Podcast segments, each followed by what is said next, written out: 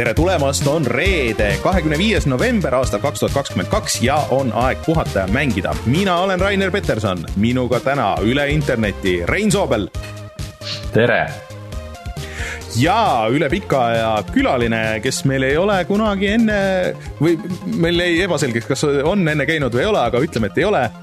Märten Rattasepp, kes on siis mängukirjanik ja on kirjutanud nii Disco Elysiumit kui ka Pentimenti, mis just nüüd välja tuli tere, Märten! tervist, tervist ja Def and Taxesid ka, ma rõhutan, mul on isegi mütsi peal ja siin on ka plakatil. jah, et äh, Märten on äh, sihuke väga äh,, kuidas see eesti keeles oleks, sihuke äh, äh, pro, äh, ühesõnaga. tootlik tootlik jah, mängukirjanik Eesti kontekstis, et ma hetkel nagu ei oska öelda kedagi, kes oleks nii mitmel mängul kirjutamisega abiks olnud kui sina, arvestades, et noh, viimasel ajal siiski Eestis mänge on ilmunud.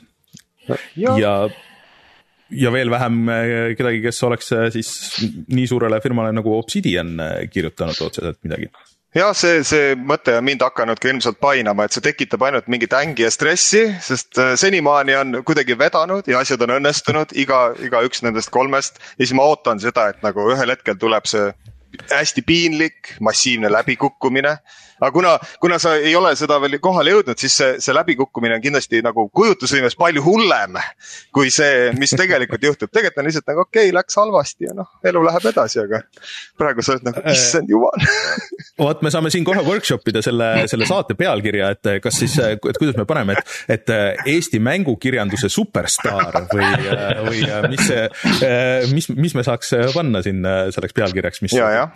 klikkima tooks. just, just, et ja ei, ma ka ikkagi üritan ka ikka maine ehituse mõttes, ma ikka räägin, et mis Eesti mängu kirjutamise, Eesti kirjanduse superstaar, kui ikka rääkida Aa, nagu müüginumbritest jah, jah. nagu, räägime ikka nendest nagu ühikutest siis ei ole ühelgi Eesti kirjanikul midagi võrdset panna nagu selle sul tegelikult on õigus, et siin ei ole midagi häbeneda selle, selle kõige juures, kui sa võtad nende kolme mängu numbrid võtad kokku, siis äh, noh, et, et. Need on jah, need on juba mitmetes, mitmetes miljonites, äh, nii et äh. aga Märteniga me räägime kohe pikemalt, äh, aga me enne teeme siia algusesse veits need kohustuslikud asjad ära. ehk siis meid te saate toetada Patreonis, patreon.com, kaldkriips puhata ja mangida. Pat-, pat-, pat-, Patreon ja, ja kui te seal liitute, eh, siis eh, saate tulla meiega näiteks Discordi jutustama, eh, saate särke veel mõned, siis on tasuta mänge ja kõik need asjad ja selle hea sooja tunde südamesse, et olete aidanud meil seda saadet teha. eriti otse loomulikult tahaks tänada Taavit jutlustaja X-i, Failistit, GameCami, Randroidi, Kalevust ja Martin Mõistust. nii et kui te piisavalt suure summaga toetate, siis me loeme iga kord teie nimed ette, aga muidugi äh, suured tänud kõigile teistele ka, kes meid aastate jooksul toetanud on või plaanivad seda teha. ja siis äh, tuletan ka meelde, et kahekümne kaheksandal aasta lõpu saade toimub laivis sihukeses lokaalis nagu Heldeke ja sinna saavad esmajoones meie Patreoni toetajad, nii et olge valmis ja siis äh, täpsem info peaks äh, lähiajal jõudma äh,. näitasin teistele ka juba seda eksklusiivset särki, mis loodetavasti seal äh, tuleb nii et äh, seda ilmselt kuskil mujal ei, ei saagi. väga ilus. ja on veel on veel ideid. ühesõnaga äh, ja siis meil on äh, Youtube'i kanal, Youtube.com, kaldkriips puhata ja mangida, kus te näete näiteks sedasama saadet, äh, näete koos videopildiga, näete seda mütsi Märtenil, mis on Death and Taxes'i oma ja seda seina ja seda väga eksklusiivset, seda tassi, mis ei ole mitte Disco Elysiumi tass, aga on No Truce with the Furys'e tass, kes siis ei mäleta, see on see Disco Elysiumi originaalnimi, nii et neid asju ei ole väga palju maailmas olemas. see läheb, it belongs in a museum äh, aga äh, siis äh, meie Youtube'i kanalil on siis ka mänguvideod iganädalaselt ja viimati läks üles Atari viiekümne video, mida me siis Martiniga koos vaatasime. ja see on tõesti nii suur pakk, et seda on ikkagi raske videos näidata, aga ma soovitan ikkagi kõigile osta, kes vähegi huvituvad mängude ajaloost ja see ikkagi läheb Atarist otsast lõpuni ilusti ära ja, ja see on äh, natuke ka tänapäevane teema, sest et äh, kes siis ei tea, siis äh, mingid tüübid üks hetk läksid Atarist ära ja tegid siukse väikse firma nagu Activision. ja Activision on meil täna uudistes. Rein, mis meil siis on veel uudistes? no lisaks Activisionile me räägime sellest, et arvuti peal on konsoolisõda läbi platvormisõda, mis oli arvutil, on nüüd ametlikult läbi. kes on võitja, seda te kuulete. Äh, saame teada, mida oodata Witcher kolme next gen versioonis, Sooniku isa läks vangi äh,. oleme mänginud äh, Pentimenti, Rainer räägib sellest mängust, mille kallal Märten töötas mina mängisin ainult Warzone'i, aga Rainer on proovinud veel Miles Moralest ja Disney Dreamlight Valley't, nii et. Äh, aga noh, loomulikult kõige suurem kirss on täna meil Märten, kes räägib mängu tekst ja, ja ma vajutan siin nuppu, teeme väikse kõlli ja siis äh, olemegi tagasi Märteniga ja räägime Pentimendist ja mängude kirjutamisest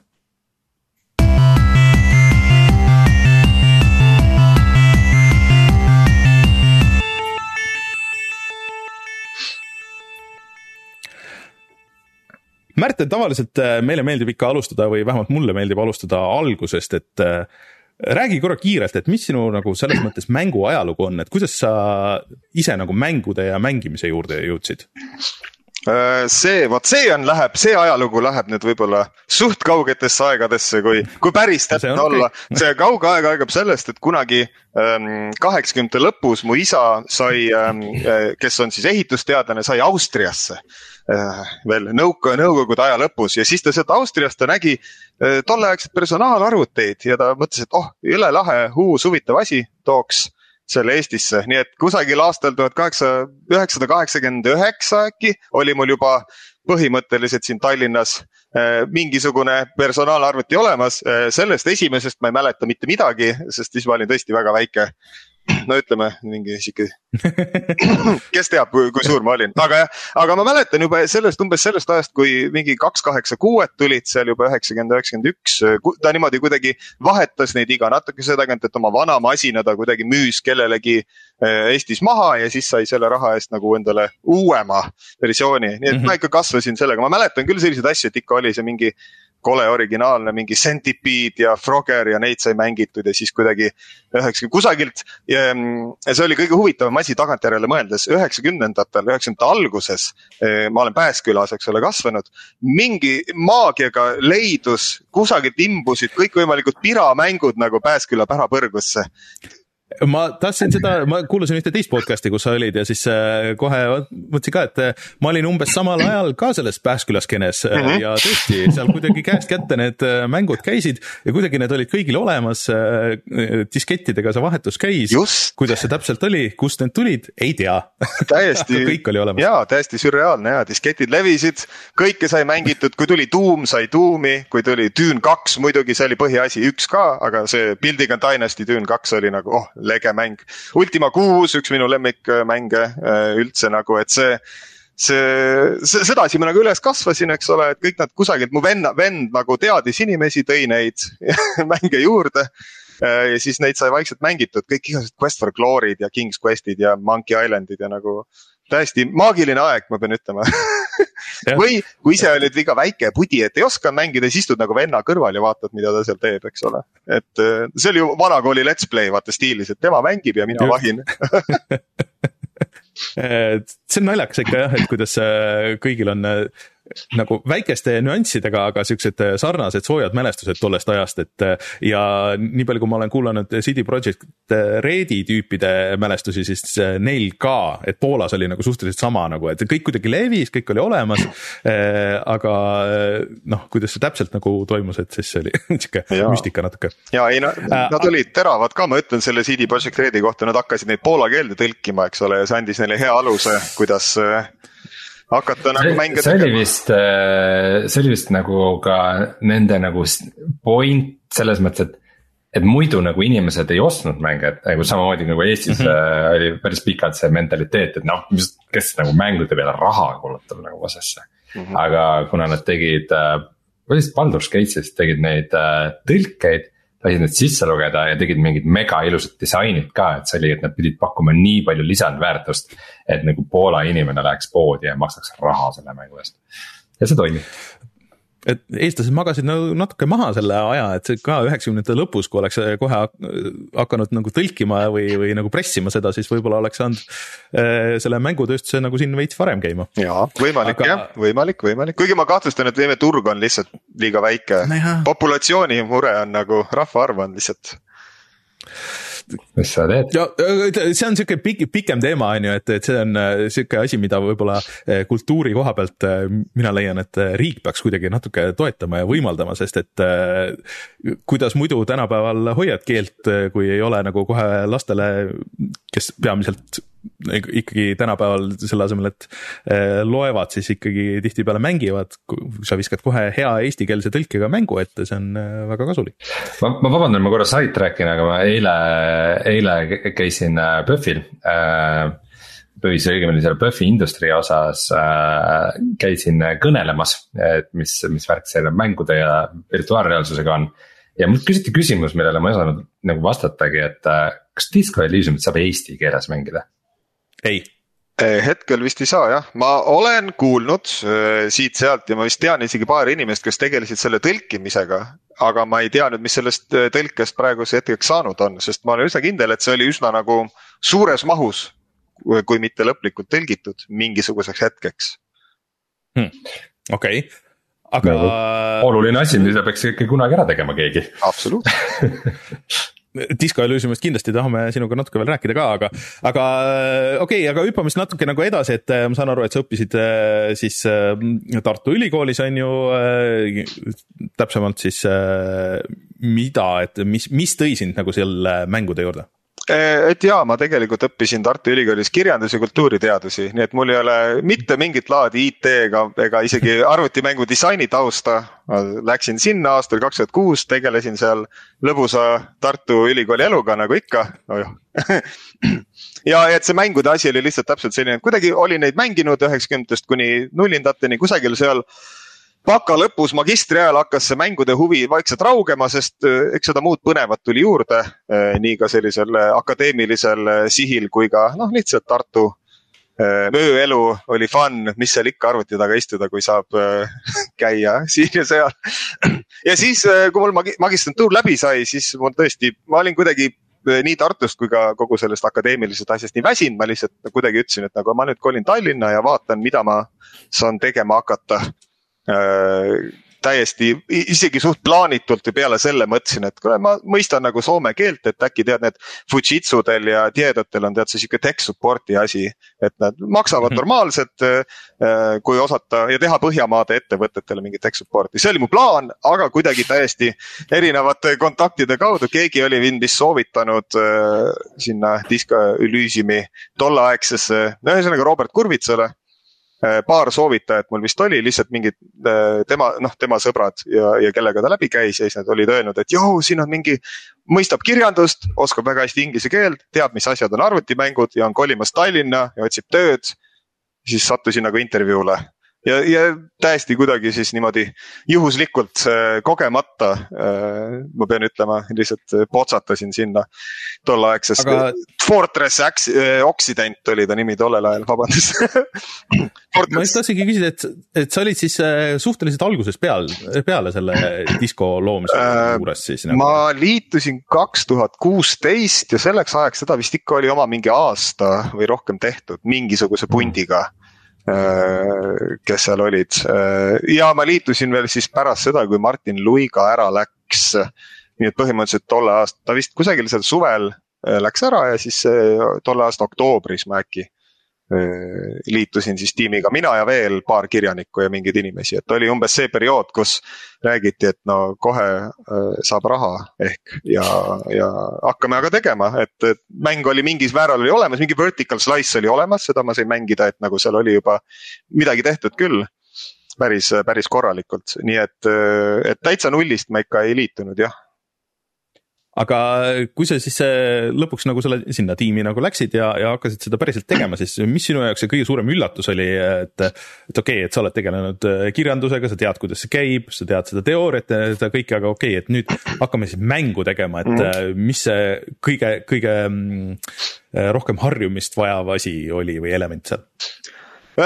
küllap ma arvan, et nende kõige rohkem harjumist oli äh, võib-olla ühelt poolt lihtsalt natukene rohkem rutiinse töögraafikuga, sest ülikooli tudeng ikka, ta paneb suht suvaliselt, aga siis pidi ikkagi hakkama korralikuks tööinimeseks. teine on see, et kui õppida neid erinevaid dialoogi äh, kirjutamisprogramme, mis on tänapäeval, äh, mida kasutatakse, noh Artis'i Draft kaks oli tollel hetkel, et see võttis natuke nuputamist, aga mis mind üllatas kõige rohkem on see, vähemalt minu jaoks ja ma olen seda nüüd nagu kõriauguni korranud, on see, et mingisugune osa Äh, täiesti äh, mainimist väärt osa sellest ülikooli ähm, kirjandusteoreetilisest haridusest on hästi kasulik äh, selleks, et aju mõistaks, kuidas teha, ehitada neid struktuure et äh, kõik see sedasi nõndanimetatud postmodernismi ja poststrukturalismi, kogu need risoomid, kõik need tekstipuud, hüpertekst ja hüpotekst, et seda oli nagu ülikoolis oli seda räägitud, sellest oli loetud ja õpitud. ja siis kuidagi satud arvutimängude juurde ja ütled, et aa, see on nüüd see, mida ma pean hakkama nagu teostama. et kui ma juba oskan seda analüüsida ja mul on see ajus, on see pilt olemas, siis selle nagu ümberkandumine praktikasse oli päris, päris kuidagi sujuvalt läks et hmm.. Poleks ilmselt seda osanud aimatagi sellal, kui sa ülikoolis äh, pidid seda õppima, on ju.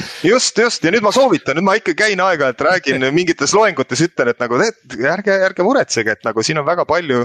tundub, et on mingi abstraktne filosoofia, aga tegelikult sellel on ka täiesti praktilised väljundid kui natuke lõpukas olla aga palju teid siis seal kokku kirjutamas oli Disco Elysiumit? oh issand, kõigi nende, hiljem veel lisandus veel mingeid inimesi, aga ma arvan, et lõpp lõppude lõpuks vist ikka oma mingi kaheksa kirjanikku oli vähemalt hmm. kõik peale, lihtsalt mingi, mingi aeg pärast mind liitusid paar Ameerika nagu nii-öelda native speaker'id, kes ka äh, tegelesid sellise keelekorrektuuriga mingil hetkel. et, äh, et ma arvan, et jaa, vähemalt kaheksa, kui ma õigesti mäletan kusjuures see on väga huvitav nagu teema siia, et tegelikult ma tahtsin võib-olla seda Pentimendi juures ka nagu rääkida, aga, aga võib-olla kui see tek-, siin nüüd üles kerkis, et, et kui lihtne või kerge on kirjutada seda inglisekeelset dialoogi niimoodi naturalistlikult, et, et selles suhtes, et ma saan aru, et sa oskad inglise keelt väga hästi ja, ja, ja noh, selles mõttes, et äh, sa kirjutad selle ära, kõik meil siin Eestis loevad, kõik, kõik tundub loogiline, aga kui mõni nii-öelda native speaker loeb, mõni ameeriklane, mõni äh, inglane, noh, siis vaatad, ei, et ma ei oska mida öelda, et mis siin valesti on, aga midagi siin on täiesti valesti, et seda on äh, paljude Poola mängude puhul ka ette heidetud, et siin äh, alles see, äh, mis see oli, see zombimäng siis, teed, teed. Island mm,. ühesõnaga ei, mitte Dead Island, aga ma ei tea, mis sa mõtled, aga mulle ei tule meelde. zombi, see parkuurimismäng. et ühesõnaga, et, et selle kohta väga paljud need arvustused ütlesid, et noh, kõik on nagu õige, aga samas on midagi valesti, et, et kuidas, kuidas te lähenesite sellele? Dying Light. nii, Dying Light jah, just. ja, ja Dying Light, just, just, just. see, ma mõtlen, et minu arust ma nüüd peaks hindama, et see vist võib-olla kõigub ikkagi individuaalselt, sest ma iseenesest ei, ei ole leidnud ei, ei Disco ega ka Pentimenti puhul ei olnud minuga tavaliselt seda probleemi, et, mu lause oleks kuidagi kohmakas. võib-olla see tulebki sellest, et ma olen ikkagi siis kirjandusteadlasena ka hästi palju lugenud ingliskeelset kirjandust ja ka ingliskeelset akadeemilist teksti. ja nagu keeletunnetus on noh, nagu päris heal tasemel, ma ikka päris native speaker ei ole, sest sõnavara on nigel võrreldes nagu ikkagi nendega, et mingisugune osa sõnavarast on puudu. aga, aga, aga ka nii-öelda toimetajad, e, kes siis on mu tekstiga tegelenud nagu üldiselt ei, ei ole midagi ette heitnud, et võib-olla tead mõnel väga väsinud hetkel eh, tekivad mingid kummalised lausestruktuurid, et sa tead, et nagu lihtsalt tahad ruttu kirja panna, aga tegelikult hakkab mingisugune eh, sõnajärg muutub nagu veidraks. aga üldiselt sellega ei ole probleeme, aga ma arvan jah, et see nagu suhteliselt kõigub, eks ole, et mõnel mm. -hmm mõnel kirjanikul oli, oli rohkem vaja just sellist keeletoimetamist äh, sest äh, see võis nagu rohkem logiseda, aga samas nagu mingi tead, need ideed, need mingisugused stseenis ähvatused olid nagu väga hästi paigas, eks ole, et. no Disco Elysiumil oli ju lihtsalt nagu nii palju teksti ka, et, et noh, et sul iga rida ilmselt nagu ei saagi mm -hmm. kohe väga kuld olla. ja just, just, et palju toimetamistööd niikuinii tuleb alati lõpus, et sa kirjutad selle esimese versiooni ära first draft'i nagu ja siis hakka nagu taguma oma või asju korda mind äh, huvitab see, et äh, kui teid nagu kirjutamistiimis oli terve grupp, et tegelikult mm -hmm. Eestis on veel võrdlemisi uus sihuke mõiste nagu mingisugune writer's room või see, et. Äh, on ikkagi nagu see stereotüüp on, et kirjanik on keegi, kes kuskil üksi istub trükimasina taga ja kimub suitsu. ja, ja, ja siis vahepeal on depressioonis, aga et kuidas selline töö üldse nagu grupiga teostab, et kas siis väga selgelt jaotatakse ära, et mis kellegi ülesanne on? Äh, et ja, et eks see depressiooni asi on ikka kohal, aga, aga see writers room'i, äh, writers room'id olid väga toredad asjad, et olidki ka siis kord nädalas, mitu korda nädalas ongi sellised koosolekud, kus valdav osa kirjanikke on ühes ruumis koos ja need olid mõnusad pigem sellepärast, et oli hästi lahe ideid põrgatada, see on ikkagi tõesti selle eelis, et nagu. vestluse käigus kuidagi kiirelt on see hästi tõhus. kellelgi on hea idee, hea nali, et siis nagu hakkab nagu mõistus käima, sest kõige, kõige hullem osa on ikka see, et vahid mingisugust tühja lehte ja mõtled, et ahaa, mul on hullult vaja siia midagi lahedat ja naljakat kirjutada ja siis siis satudki depressiooni ja nüüd, eks ole, pärast seda, kui on olnud need ähm, sellised remote kirjutamise asjad, eks ole, mina Eestis ja ülejäänud stuudiod kusagil mujal, siis on kohe tajuda seda, et tead, hullult palju raskem on teha mingisugust kirjanikega vestlust ja mõtete arendamist, kui sa teed seda distantsilt, et see Writer Zoom'i osa oli nagu fun eks disko puhul eripära oli kindlasti see, et noh, see oli ikkagi Robert Kurvitsa projekt, eks ole, me saime kokku ja tal oli juba mingid mõtted ja sihid, mis tuli teha ja mingi osa mängu oli olemas ja noh, et sul on olemas see põhinarratiiv ja seda toestav osa, et nagu mida oleks vaja, lihtsalt me arutame need läbi ja ta tõesti pigem jagab ülesandeid noh, mitte nagu ülidetailselt, aga mingid põhiasjad olid see, et nagu noh, mida on vaja siit ja sealt saada tooni näiteks, mingi tegelase tooni ta mingi hullult ei suunanud, eks ole, lasi suhteliselt vabalt. Äh, ja. tooni siis selles mõttes, et kas ah, dra draama või komöödia või? ja, või midagi vahepeal, eks ta tegelikult oligi sihuke polüfooniline hübriidne nagu, et äh, kogu mäng on selline, et siin on draama ja siin on komöödia ja kõik asjad on läbisegi aga jah, et, et see umbes ka, et mingit noh, väga tegelase iseloomu ta väga ei nõudnud, et kuidagi peab nii olema, et sai suht mõnusalt noh, üksikute tegelaste puhul rohkem, teiste puhul vähem. aga jah, et see ja siis see üldiselt ja käis nagu äh, siis ähm, tegelaste kaupa jah, et nagu äh, erinevale kirjanikule erinev tegelane tema teeb, noh niimoodi jagad nagu ära. vahel juhtus, et oli mingi suurem tseen või mingisugune ala, äh, kus noh, kui oli mingisugune quest line, eks ole, millel on palju etappe, näiteks mäletan see traffic jam, noh, see on minu peamine näide, sest see, äh, sellega ma tegelesin, et kui seal nii-öelda traffic jam'is seal disko selle hosteli kõrval kohe oli see narkosmugeldamise asi, eks ole, et seal oli kogu see kogu see väikene plotline, kus sa ajad seda järge, eks ole, ja siis pidin, mina käisin erinevatel tegelastel, kirjutasin neile mingisuguseid juppe juurde, et oleks nagu kõik need quest'i elemendid tuleksid ära. Et see oli üks neid, kus sa nagu mõtled rohkem alapõhiselt, aga disko puhul oli nagu, käis rohkem tegelasepõhiselt ja Pentimenti puhul ka suuresti oli, kui ma sellega liitusin, oli vaja mingisuguseid äh, võlle oli vaja arendada neile esimese, teise ja kolmandasse peatükki eriti nagu lihtsalt äh, huvitavat lisasisu juurde panna ja siis äh, see käis jah, pigem, et nagu näed, siin on keegi, keegi tegelane, kes on natuke kõrvale jäänud, et nagu vaata, mis sa temaga teha saad mm. -hmm. ja, ja see ja selle juurde siis tuleb veel ju ka kogu see layer, et tegu on siis ju branch ivate mängudega, ehk siis ja, ja. vastavalt sellele, et mis valikuid mängija teeb, nad võivad areneda väga-väga eripidi, et. kuidas see välja näeb, et mingi reaalselt mingi tohutu lahtijoonistatud mhm. puu on kuskil kellelgi tahvli peal, et eh, mis kõik võib ju ja vahepeal lähevad need puuoksud ju jälle kokku, on ju, mhm. mingites olulistes momentides ja et, et seda, eks neid tekstipuid ja neid story puid needsamad programmid haldavad suht hästi. eks vahel on ka sellega dokumentatsiooni kirjutatud ja vahel lihtsalt noh, hoiad enda peas, võib-olla see kõigile ei sobi, aga mulle kuidagi suht okeilt sobis hoida enda peas neid nagu neid hargnemisi ja asju. -hmm. aga jah, et see, eks see kõik ongi võib-olla üks neid raskeid osi on, et kuidas hoida seda mõistlikkuse piires, seda suurt hargnemist ja kokkutõmbamist, sest jah, muidugi tahaks ju hakata kõiki lahedaid ideid ära kasutama ja kui see asi liiga hargnevaks läheb, siis äh, ei jaksa sellega enam tegeleda äh,. see kasvab kuidagi nagu üle käte ja vajab nagu veel seitset erinevat lõpptulemust, et siis jah, kuidas leida neid kohti, kus tõmmata otsad kokku, et kõik sumbuks nagu enam-vähem äh, kuhugi.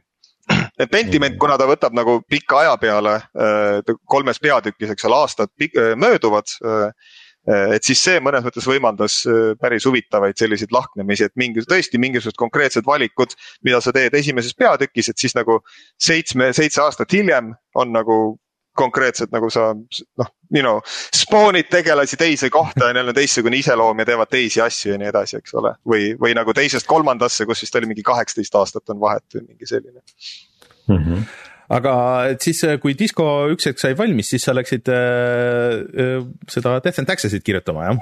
see oli nagu rohkem sinu projekt, ma saan aru. see nagu jah, et ega ma päris kohe ei läinud, ma ikka päris mitu kuud puhkasin niisama mõistust välja, aga siis jah, ühelt poolt hakkasid säästud otsa saama ja teiselt poolt Oti ja Leenega sai, tuli nagu see jutuks ja see tundus nagu hästi tore asi, mida teha.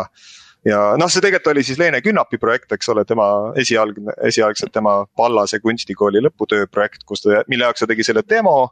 ja siis kuidagi tollel suvel kaks tuhat kaheksateist suvel siis tundus, et noh, sellest võiks ju täitsa päris mängu ka teha, see tundub nagu väga lahe idee poolest ja kusagil seal augustis hakkasin, hakkasime nagu tegema siis seda päris mängu ja seal ma olin jah, nii-öelda lead writer'i positsioonis, et sain ise otsustada suht mingite põhi, põhitoonide, põhisihtide piires.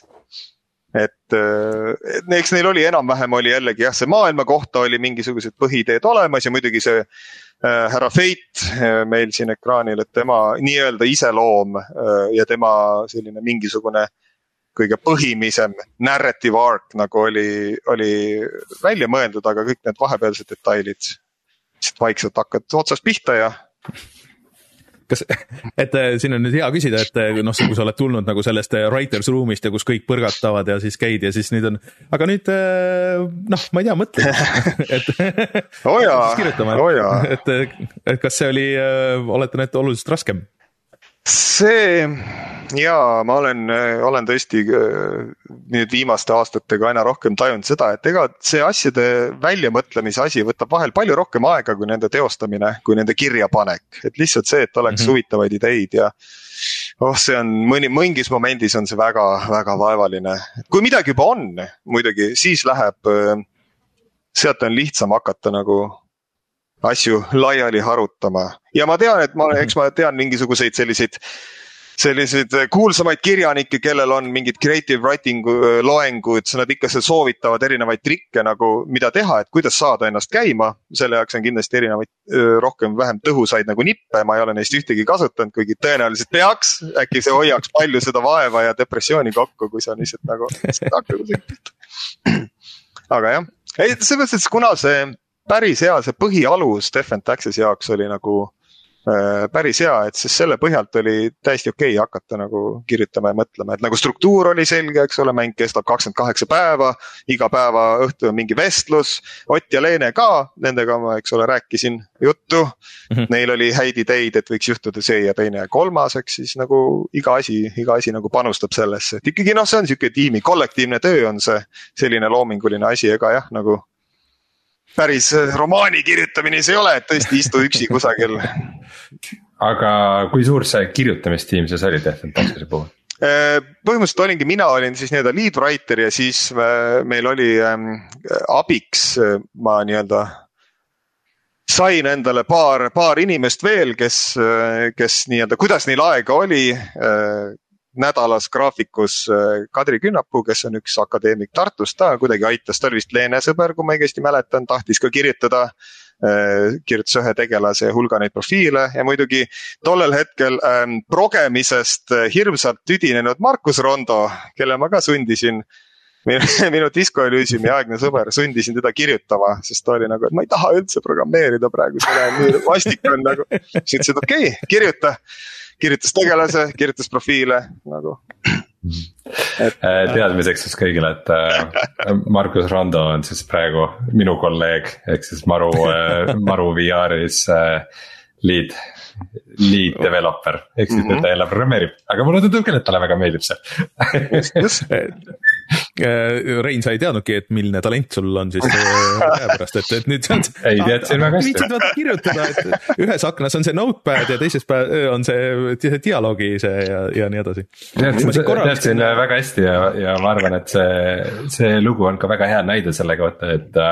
et see nagu mänguarenduses vist eriti ei ole nii, et nagu, et proged on lihtsalt progejad et mul on tunne, et need, need inimesed eriti, kes Eestis on, on nagu mängude programmeerimisega seotud, on ikkagi sageli väga loomingulised inimesed ja neil on mm -hmm. väga palju muid loomingulisi huvisid ja talente.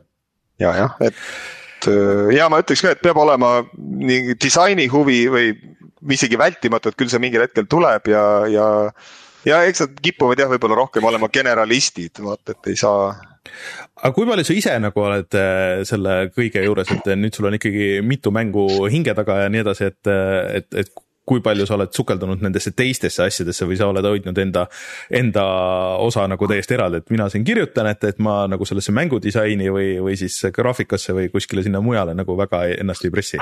ma üldiselt ei, ei pressi ja äh, mulle nagu see, see nii-öelda IT ja progemise osa jätkuvalt äh, väga huvi ei paku. Jaagup Irve, kes ma mäletan, on olnud siin saates, ta on mulle kunagi öelnud, et ma olen lihtsalt luhta läinud programmeerija. et ma oleks võinud saada, aga kuna ma olen sihuke ludiit, kes ei salli seda asja, et siis nagu pean tegelema muuga. aga, aga et nagu ehm, ütleme siis sellise mängukirjaniku või, või narrative disaineri puhul see game disaini osa ikkagi aeg-ajalt nagu tuleb lihtsalt kaasa, sest et noh, narrative design ikkagi tähendab, sa pead kuidagi mõtlema nende, mõtlema nende mehaanikate ja struktuuride peale. et kuidas ka neid ära kasutada, nii et sa nagu ei saa täiesti vältida nagu seda osa mm. -hmm. võib-olla, võib-olla siin ongi kohane natuke rääkida siis, et nagu, et mis vahe on narratiivsel disaineril ja mängu kirjutajal või tegelikult, kas see ongi sama asi? Nii palju, kui ma olen ka üritanud tuvastada, siis see vist päris sama asi ei olegi, ma umbes saan aru, et siis mängukirjutaja kui game writer sõnana ongi lihtsalt see, kes palgatakse nagu sõnu ritta seadma. ja ta ainult kirjutab teksti, aga nagu narrative disainer on see, kes ka mõtleb siis noh, kõikvõimalike gameplay elementide eh, peale ja kõike muule, mis nagu game disainist tuleb või millega ta saab kaasa aidata ja ta, seda lugu räägitakse ka nende teiste vahendite kaudu. Et siis mitte ainult tekstis, et ta nagu kirjutab teksti ja üritab leida kõikvõimalikke muid viise, kuidas eh, narratiivi edastada no ilmselt sõltub veidikene ka tiimi suurusest, et kui sul on nagu ikkagi juba, ma ei tea, mängu kallal töötab sada pluss inimest, et siis siis äh, neid nagu layer eid tekib sinna juurde, et no ju mm -hmm. on ju ka mingisugune creative director sageli, kes kes võib-olla läbi narratiivse disaineri üldse nagu suhtlebki äh, selle kirjutajate tiimiga, et, et nii-öelda nagu narratiivne disainer tõlgib kirjutajate jaoks ära eh, selle, mida. ja need, need suurte ettevõtete struktuurid, hierarhiad on minu jaoks üks müstiline asi, eh, ei ole täpselt What? aru saanud vot see ongi hea hetk nüüd edasi minna, sest et äh, ma tean, et sa vahepeal töötasid pikalt vist äh, ühe projekti peal, äh, mis läks tühistamisele, eks ole. aga kuidas sa siis jõudsid Obsidiani juurde, ehk siis see on ju väga suur stuudio, kes ei tea, väga pikaajaline stuudio, teinud erinevaid RPG-sid, praegu kuulub Microsoftile, neil just ilmus see Grounded, siis see Outer Worlds äh, ja siis nüüd Pentiment, et, äh, et kuidas sa sinna jõudsid? see, need kaks asja, mis sa mainisid, ongi omavahel veidi seotud. ma tegelesin Aha. jah pikka aega, umbes aasta aega ühe projektiga, mis läks cancel'isse. vot see on üks valus asi. ega see mm -hmm. hämmastavalt ebameeldiv on see ikka, et kui sa oled aasta aega või oma loomingulist nagu power'it kuhugi pannud ja isegi kui sa näed, et see asi võib-olla ei lähe kuhugi, et äkki see ei õnnestu. ikkagi see, see cancel damine on siukene äh, frustreeriv asi, mis jääb painama olen, olen selle läbi elanud ja, ja tean, äh, aga, aga äh, kas, kas sa ilmselt äh, väga sellest midagi rääkida ei saa, et, et kas see kuulutati välja, see asi, või see ei jõudnud üldse kunagi nii kaugele? see ei jõudnud isegi nii kaugele.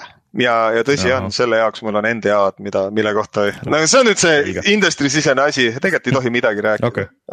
aga, aga jah, et põhimõtteliselt, mis juhtus, et siis kuidas see ongi see, et nagu cancel dati ära ja see stuudio, kus ma siis äh, põhimõtteliselt nagu töötan, ähm, kes seda projekti arendas, see on siis Digimancy Entertainment. Ähm, üks Ameerika, peamiselt Ohio piirkonna ettevõte, et nad lihtsalt olidki nagu, et okei okay,, nüüd on nagu kerge probleem, rahaline probleem, eks ole, sest et see projekt tõmmati vesi peale, aga meil on nüüd hulk töötajaid, okei okay,, me siis lihtsalt laename neid välja nagu, et, et kuni me saame nagu mingisuguse uue projekti, saame midagi käima, saame mingi uue rahastuse taha, et siis oligi, et nagu ähm, George Seitz, kes on selle Digimensi Entertainmenti CEO, noh, tema on endine Obsidiani ja InXile'i tegelane mm. nagu ise ja siis ta lihtsalt teadis sellest, et Josh Sawyer on tegemas seda Pentimenti ja tal on nagu ühel hetkel oli, et oh, on vaja nagu abi, ühte mingit kirjanikku juurde, äkki sa tahad minna. ja siis ma läksin intervjuule ja ta lihtsalt nagu suunas mu sinna.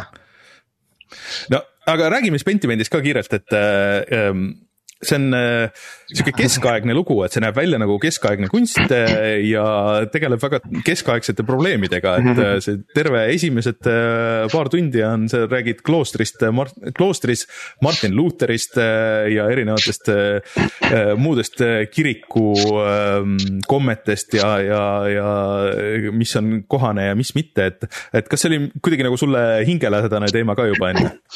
Ehm, selle võrra küll, et eh, üks, üks suurimaid ehm, võib-olla mõjutusi, inspiratsioone selle mängu jaoks on Umberto Eco Roosi nimi, eh, romaan, mida ma olen ammu lugenud ja mis on tõesti väga lahe. Eh, filmi olen ka näinud, aga et, et mul on selle kohta veidi teavet ja, ja see tundus, et nagu Josh Sawyer on niisugune veider kuju, ta on, nagu ma aru saan, mäletan kusagilt tema mingisugusest podcast'ist, tal oli umbes kolm sellist unistuste projekt, mida ta tahtis teha, kui ta tööstusesse jõudis, üks neist oli teha Fallouti. üks neist vist oli teha äh, mingisugust Dungeons and Dragonsi, head Dungeons and Dragonsi laadis mängu. seda ja siis üks oli teha nagu ütleme Darklandsi stiilis või lihtsalt nagu Püha Rooma keisririigi aegset nagu hilis, äh, keskaja, varauusaja mingit sihukest ajaloolist nagu mängu. Need olid tema kolm ideed ja mulle nüüd tundub, et nagu Pentimentiga on tema kolm nii-öelda unistuste projekti tehtud, eks ole, et täitis aga... oma eesmärgid kahekümne aastaga. See on selles suhtes äh, huvitav mäng, et tõesti, et äh, ma ei tea ühtegi teist mängu, mis oleks äh, nii ajalooliselt true ja, ja nagu nii lähe, läheneks nendele asjadele nagu, nagu see mäng ja, ja huvitav vist on see, et, et tegelikult nad on ju ameeriklased kõik, eks ole, on ju, aga see leiab aset ikkagi Euroopas Äh, ja on ikka väga spetsiifiliselt Euroopa keskne, et see, et see ei ole kuskil, sa ei ole kuskil Roomas või siukses mm -hmm. suures suurlinnas, äh, vähemalt siin selle esimese poole peal. Äh, ja, ja et, et, et see on nagu huvitav tõesti, et kuidas, kuidas see nagu sinna läks niimoodi ja et, et ta on seal Baierimaal jah, seal Püha Rooma keisririigi ajal, kindlasti ma ütlen, et see Darklandsi ja see on üks, mis ta vist üheksakümmend tuli välja, Darkland, see oli üks väga ambitsioonikas tolle ajaperioodi selline adventure äh, RPG mäng, et see on mingisugune asi, mis on mingitel RPG tegijatel painab nagu äh, nende mõistuses juba aastakümneid, äh, eks ole. Aga see ei ole nagu, esiteks nagu Püha Rooma keisririik lihtsalt selle ajaperioodina on väga lahe aeg, mis võimaldab hästi paljud teha, eks ole, see oli niisugune väga, väga tormiline, väga väga messi, eks ole, ühiskondlikult äh,, ajalooliselt nagu äh, religiooni ja kõikide asjade nagu koha pealt, et see lihtsalt võimaldab loo mõttes väga palju.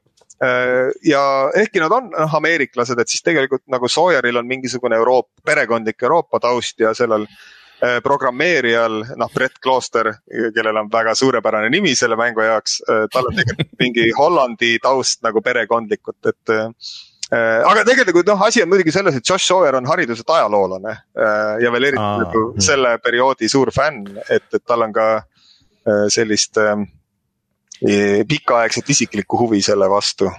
Ja, ja abiks oli ka, ma pean ka ütlema, abiks oli ka üks medievalist, professionaalne, üks kirjanik, kes oligi tema esimene projekt, Zoe Franznik on ta nimi. ta muidu ongi nagu akadeemik, kes tegeleb nagu keskaja ja, ja renessansiga ja siis ta nagu toodi appi ka. aga kui palju see nüüd, eh, no nüüd, nüüd sa nägid nagu sisuliselt ära või, või sellega eelmise projektiga, eks ole, et, et eh, kui palju erineb sihuke päris äh, Ameerika mängutööstus sellest, mis, mis meie siin äh, oma indie, indie stuudiotes arendame? Äh, ega, eks ma vist tegelikult päris hästi ei näinud, sest kõik, äh, mis ma nagu äh, olen nii-öelda vestelnud oma Digimantsi töökaaslaste ja teistega äh,, ka oma ülemuse George Satsi ja teistega ütlevad nagu. kui ma ikka räägin sellest Obsidiani elust, siis need on hoopis teised jutud, et kuidagi mõnes mõttes see Josh Sawyeri Pentimenti projekt oli nagu tõesti sihuke väike asi, see oli mingi kolmteist, neliteist inimest kogu selle suure Obsidiani sees ja nad said üsna rahulikult teha oma asja, keegi nagu mingi, you know, management ei tulnud torkima, eks ole, et nagu oo, me tahaks tahaks mingisugust head, mis iganes monet-, midagi, mis müüb, eks ole, nad olid niimoodi, et okei okay,, Josh Sawyer tiksutab oma asja oma väikese tiimiga.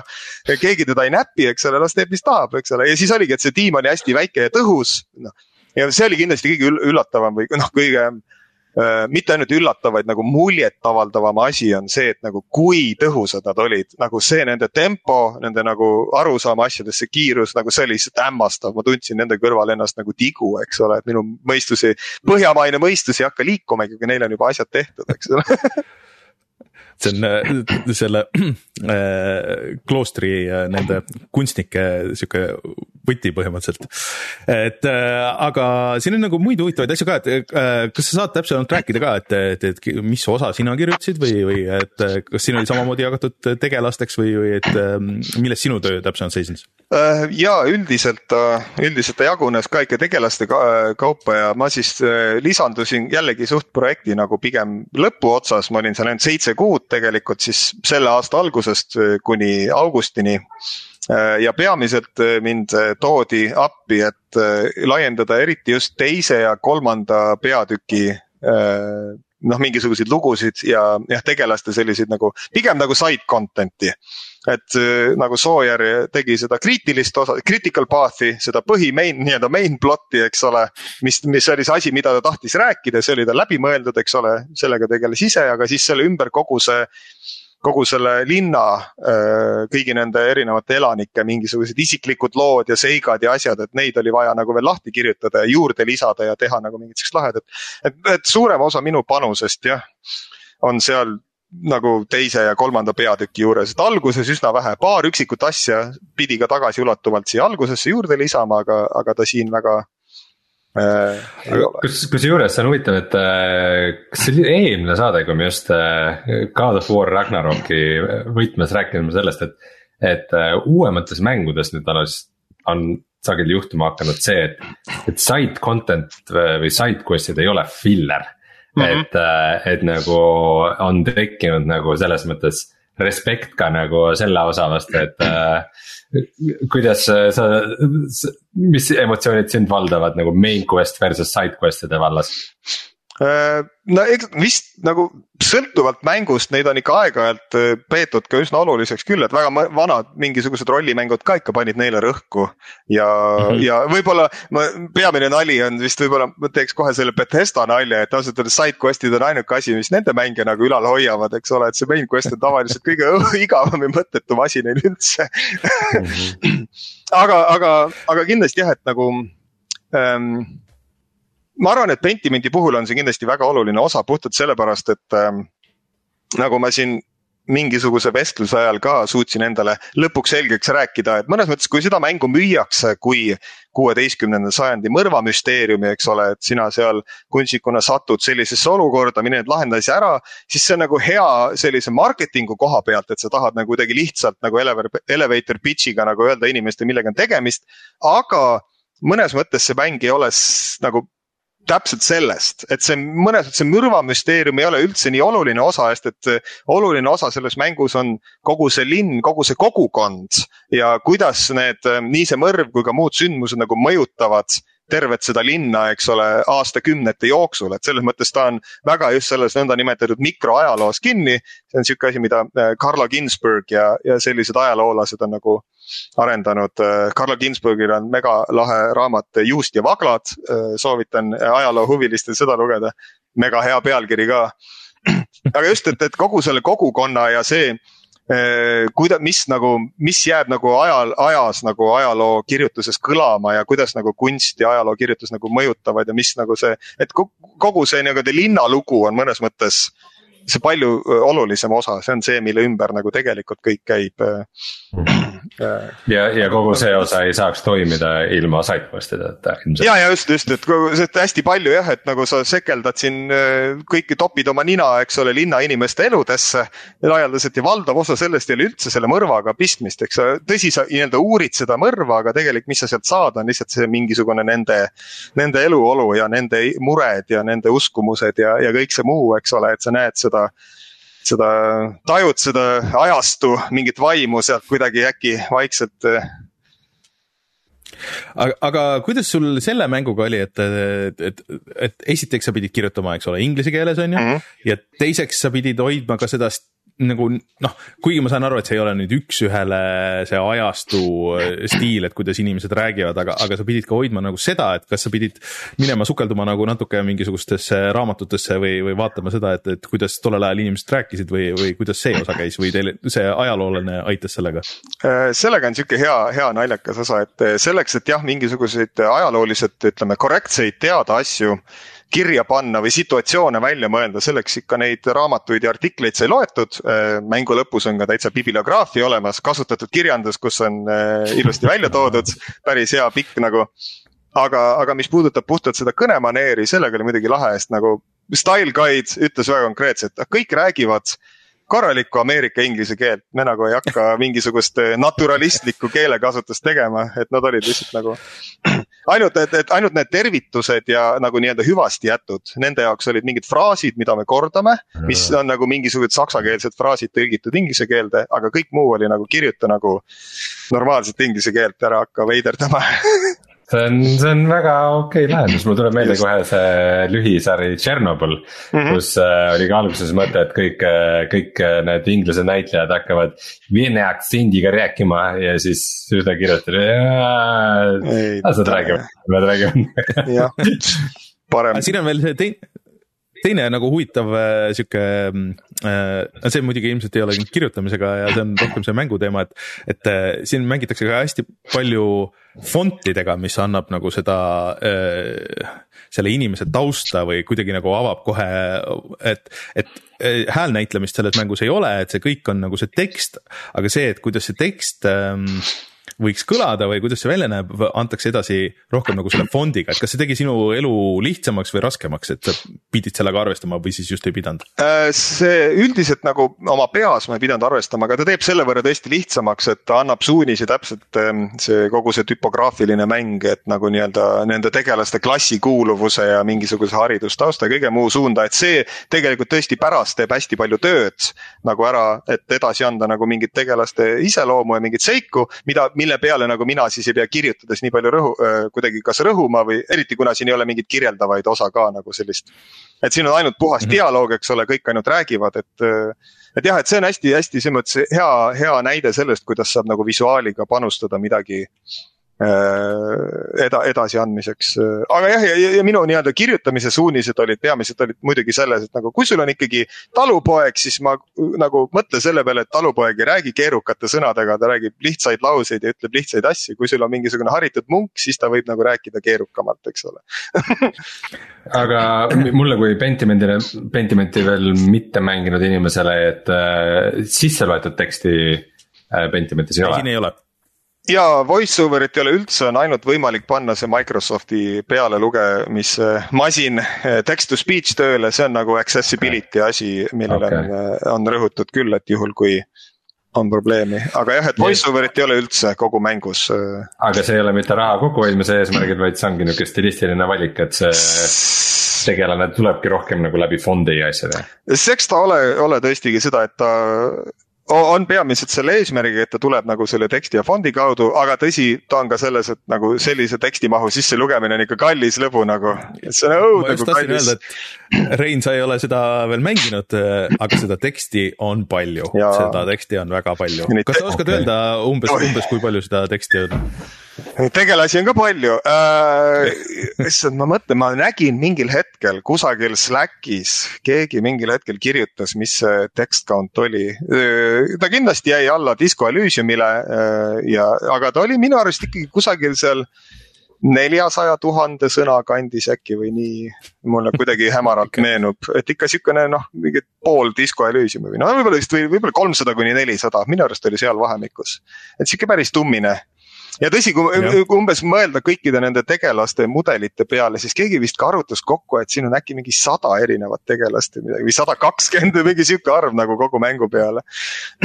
et, et äh, äh, seda voice act ida oleks äh, ikkagi nagu ähm, üksjagu tööd. ei no aga see on aga..., teeme siis Pentiment Final Cut nagu ja tuleb see äkki läheb mega hästi, saab tehtud, lootust kolmekordistame eelarve ja läheb.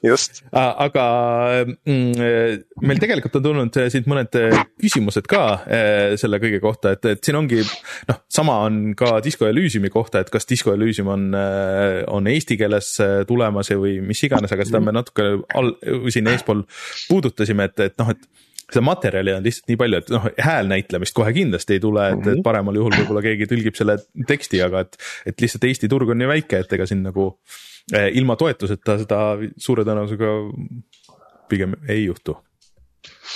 ja ei, tundub äh, ebatõenäoline ja ja siis küsitakse, et ka, kas sa oled proovinud selles samas võtmes ka Kingdom Come Deliverance'i, mis on äh, justkui sealsamas äh, ajastus või midagi siukest. ja, ja ma tean, tean seda mängu, ise mänginud ei ole, ma mäletan, minu vend vist mängis seda mingi periood. Äh, sellega mul peamine parim seik on see, et Twitch'is on üks väga tore stream, striimer, kes on mänginud Pentimenti nüüd viimased mitu päeva Ludo History nime all. ta on medievalist, eks ole, päris ajaloolane, professionaal, kes seda mängib ja see on nii naljakas, kuidas kuidas ta nagu, kuna tal on nii palju kommenteerida äh, kogu seda ajaloolist teavet, eks ole, lõputud kogused, siis see, kui aeglaselt ta mängus edasi läheb, on nii naljakas, et ta on kolme striimiga nagu vaevu jõudnud selle see natukene pärast mõrva nagu kolme striimiga, mis võtsid mitu tundi aega. et ta umbes mängib seda viieteist kuni kahekümne tunnist mängu, ta võib seda vabalt mingi nelikümmend kuni kuuskümmend tundi mängida, kui ta niimoodi jätkab. et see on nagu selles mõttes väga lahe ja, ja tema, ma pean nüüd teda laenama, kus ta ütles, et nagu, kui te tahate ikka ajaloolist nagu tõepärasust äh, tabada, siis äh, nagu Pentiment on kordades täpsem ajalooliselt äh, kui Kingdom Come Deliverance, see ei ole isegi lähedal nagu kusjuures, kusjuures see on hea teema, et kas, kas ja kui palju sa vaatad enda mängude striime?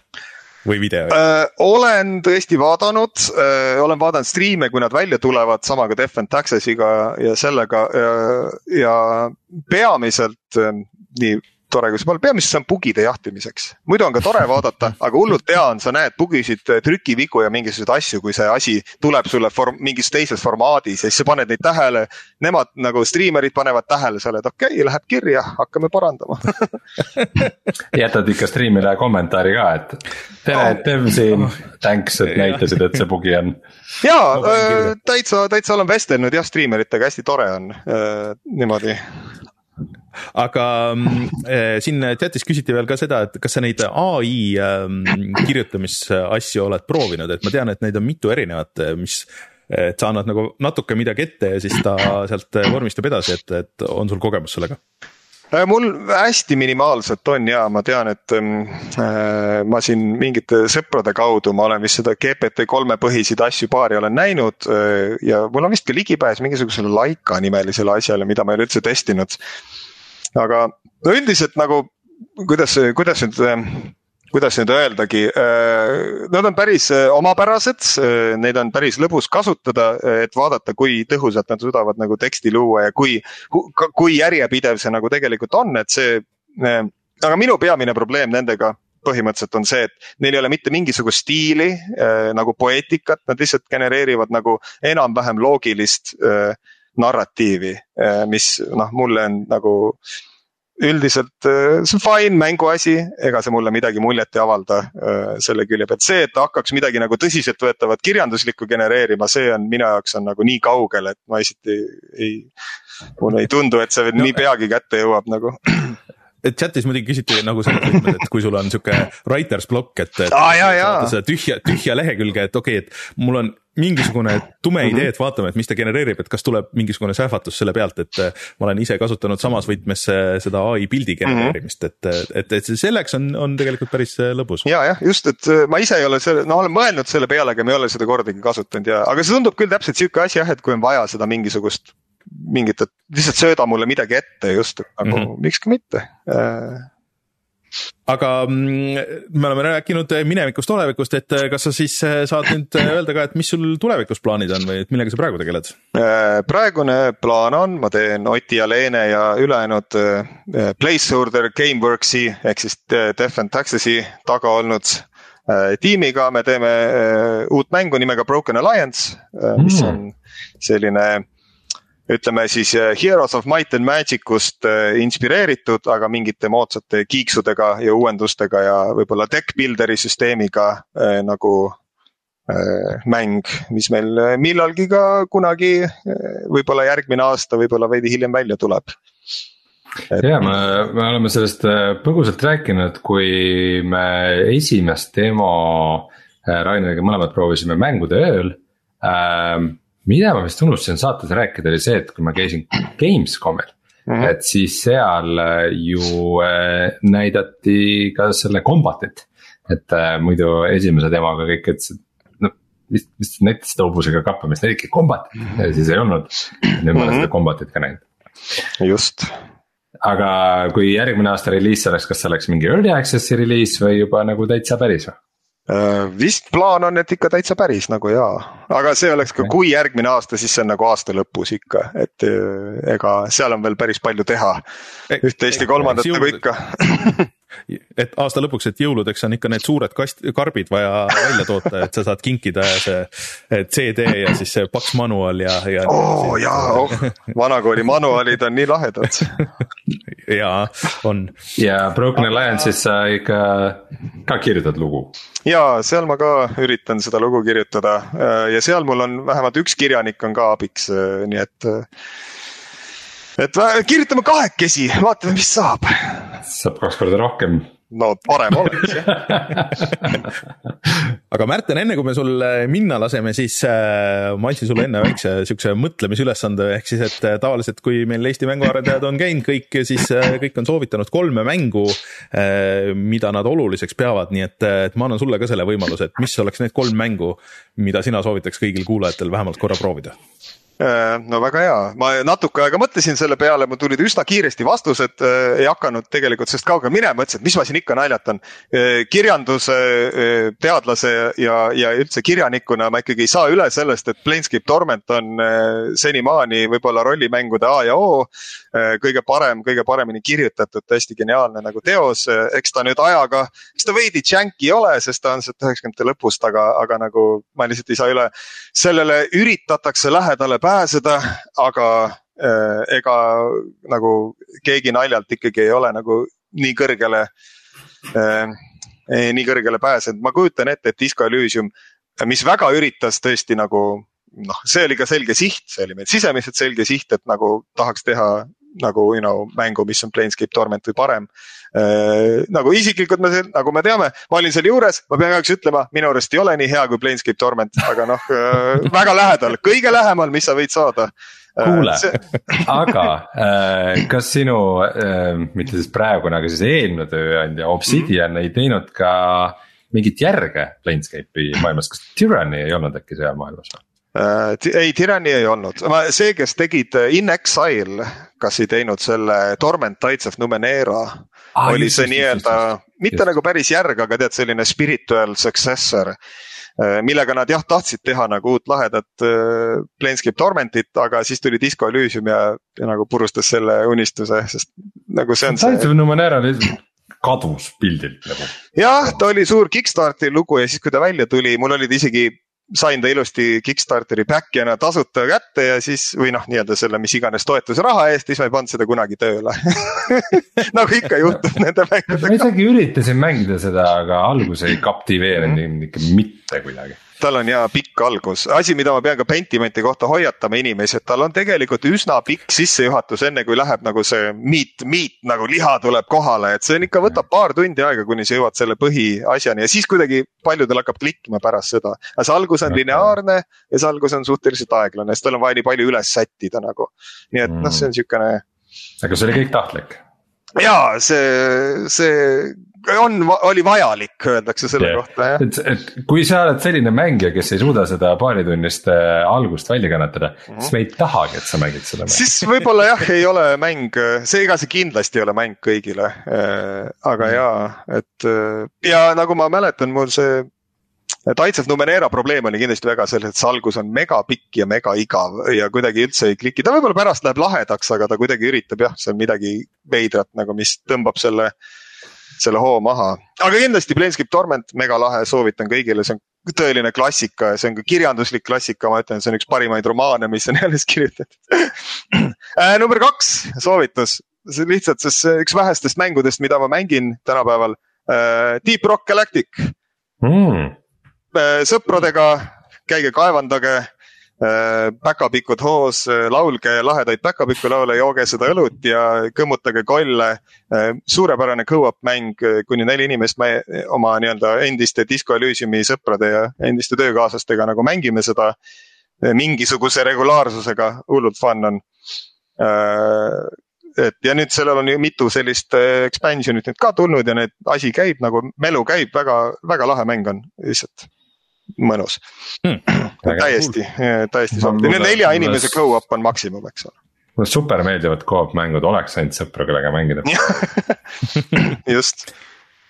ja kolmas soovitus äh, üks, üks neid mänge, mida ma tõesti see aasta olen mänginud ja mis oli puhas fun, ma nautisin igat hetke.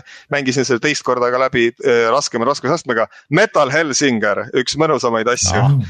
lihtsalt nagu no ei ole nautinud mõnda nagu mängu ja selle gameplay'd ja seda hoogu ja seda rajumetalit nagu äh, äh rohkem kui see mina alustasin, ma mängisin vist esimesed kaks levelit ja siis ta mm -hmm. kuidagi jäi nagu soiku, et äh, äh, mul oli see probleem, et äh, mul telekas tekitas siukse paraja nagu lag'i ja ma ei saanud nagu kuidagi seda sünki mõnusaks, et muusika mm -hmm. on nagu nii oluline osa sellest seal äh,. ja kui see, seda nagu ei olnud, et ma pidin seda ikkagi tegema mingisuguse muu tunnetuse pealt, mitte selle rütmi pealt, siis nagu ei olnud nagu päris see. ja, ja, ja rütmimängul ikka, kui sünk on kusagil äh, nihu, siis on ikka päris äh, õnnetu lugu Äh, aga Meta Helsingeri puhul ma olen lugenud ka seda, et sellele kurdetakse, et ta üritab jube palju mingit story't rääkida, mis sellises mängus ei, ei peaks olema, et kuidas sa seda kommenteerid? ma ei tea, kas nüüd jube palju, ta on üsna, üsna basic omadega, tal on mingisugune sissejuhatav cutscene ja siis läheb, mine raiu,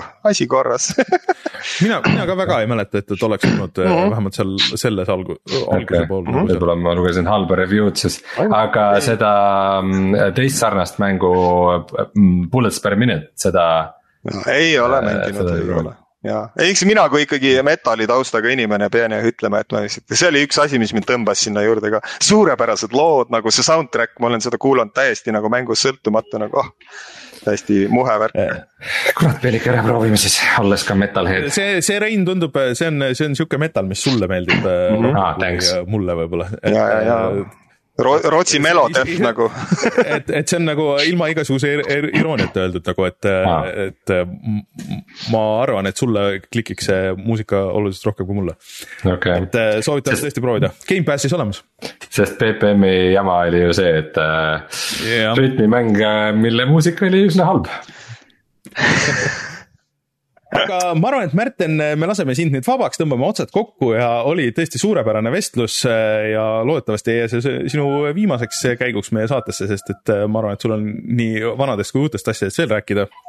Äh, nii et aitäh tulemast, aitäh rääkimast, meie kohtume juba järgmine kolmapäev siis muusikaviktoriinil. nii on. nagu selgus.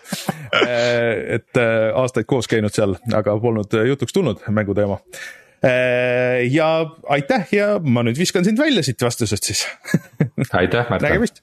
no hüvasti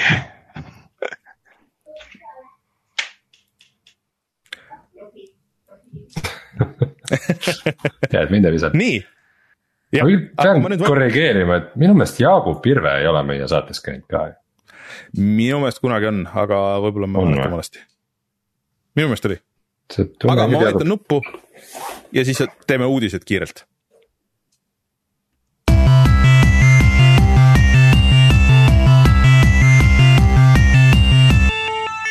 uudised Rein, mis sina sellest Activisioni ja, ja Microsofti diilist arvad, kas sa lubad neil Microsoftil see Activisioni ära osta või ei, ei luba? ei luba. aa, miks sa nii kuri oled? Mida te siin tulete välgutama oma miljardeid meie maale?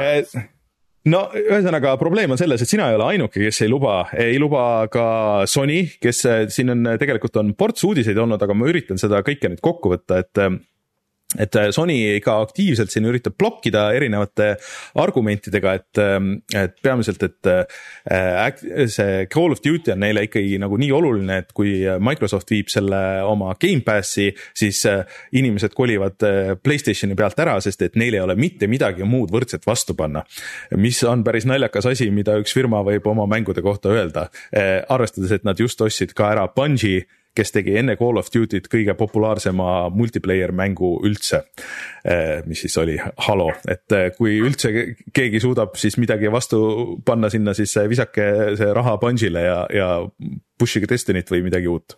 isegi Battlefieldi kohta väike, väike distract visatud ja et, et see ei ole see põhimõtteliselt, et sihuke, et, et meil on Call of Duty kodus ja Call of Duty kodus on Battlefield. et, et ja siis, et Microsoft üritab. see on, see on nii kuldne, kuidas nagu muidu, muidu on alati vaata see, kus kumbki räägib, kuidas ta on teisest parem ja praegu on nagu võistlus, et. ei, mina olen see nõrgem pool, ei mina, teie mängud on palju paremad kui meie omad, ei, meie mängud on halvad, meie konsoolid on müünud Sony üritab ka öelda, et, et äh, äh, nüüd me oleme siuksed, nad üritavad meist Nintendot teha, kus ei ole ühtegi kaheksateist pluss mängu mis on nagu päris absurdne tegelikult suures plaanis.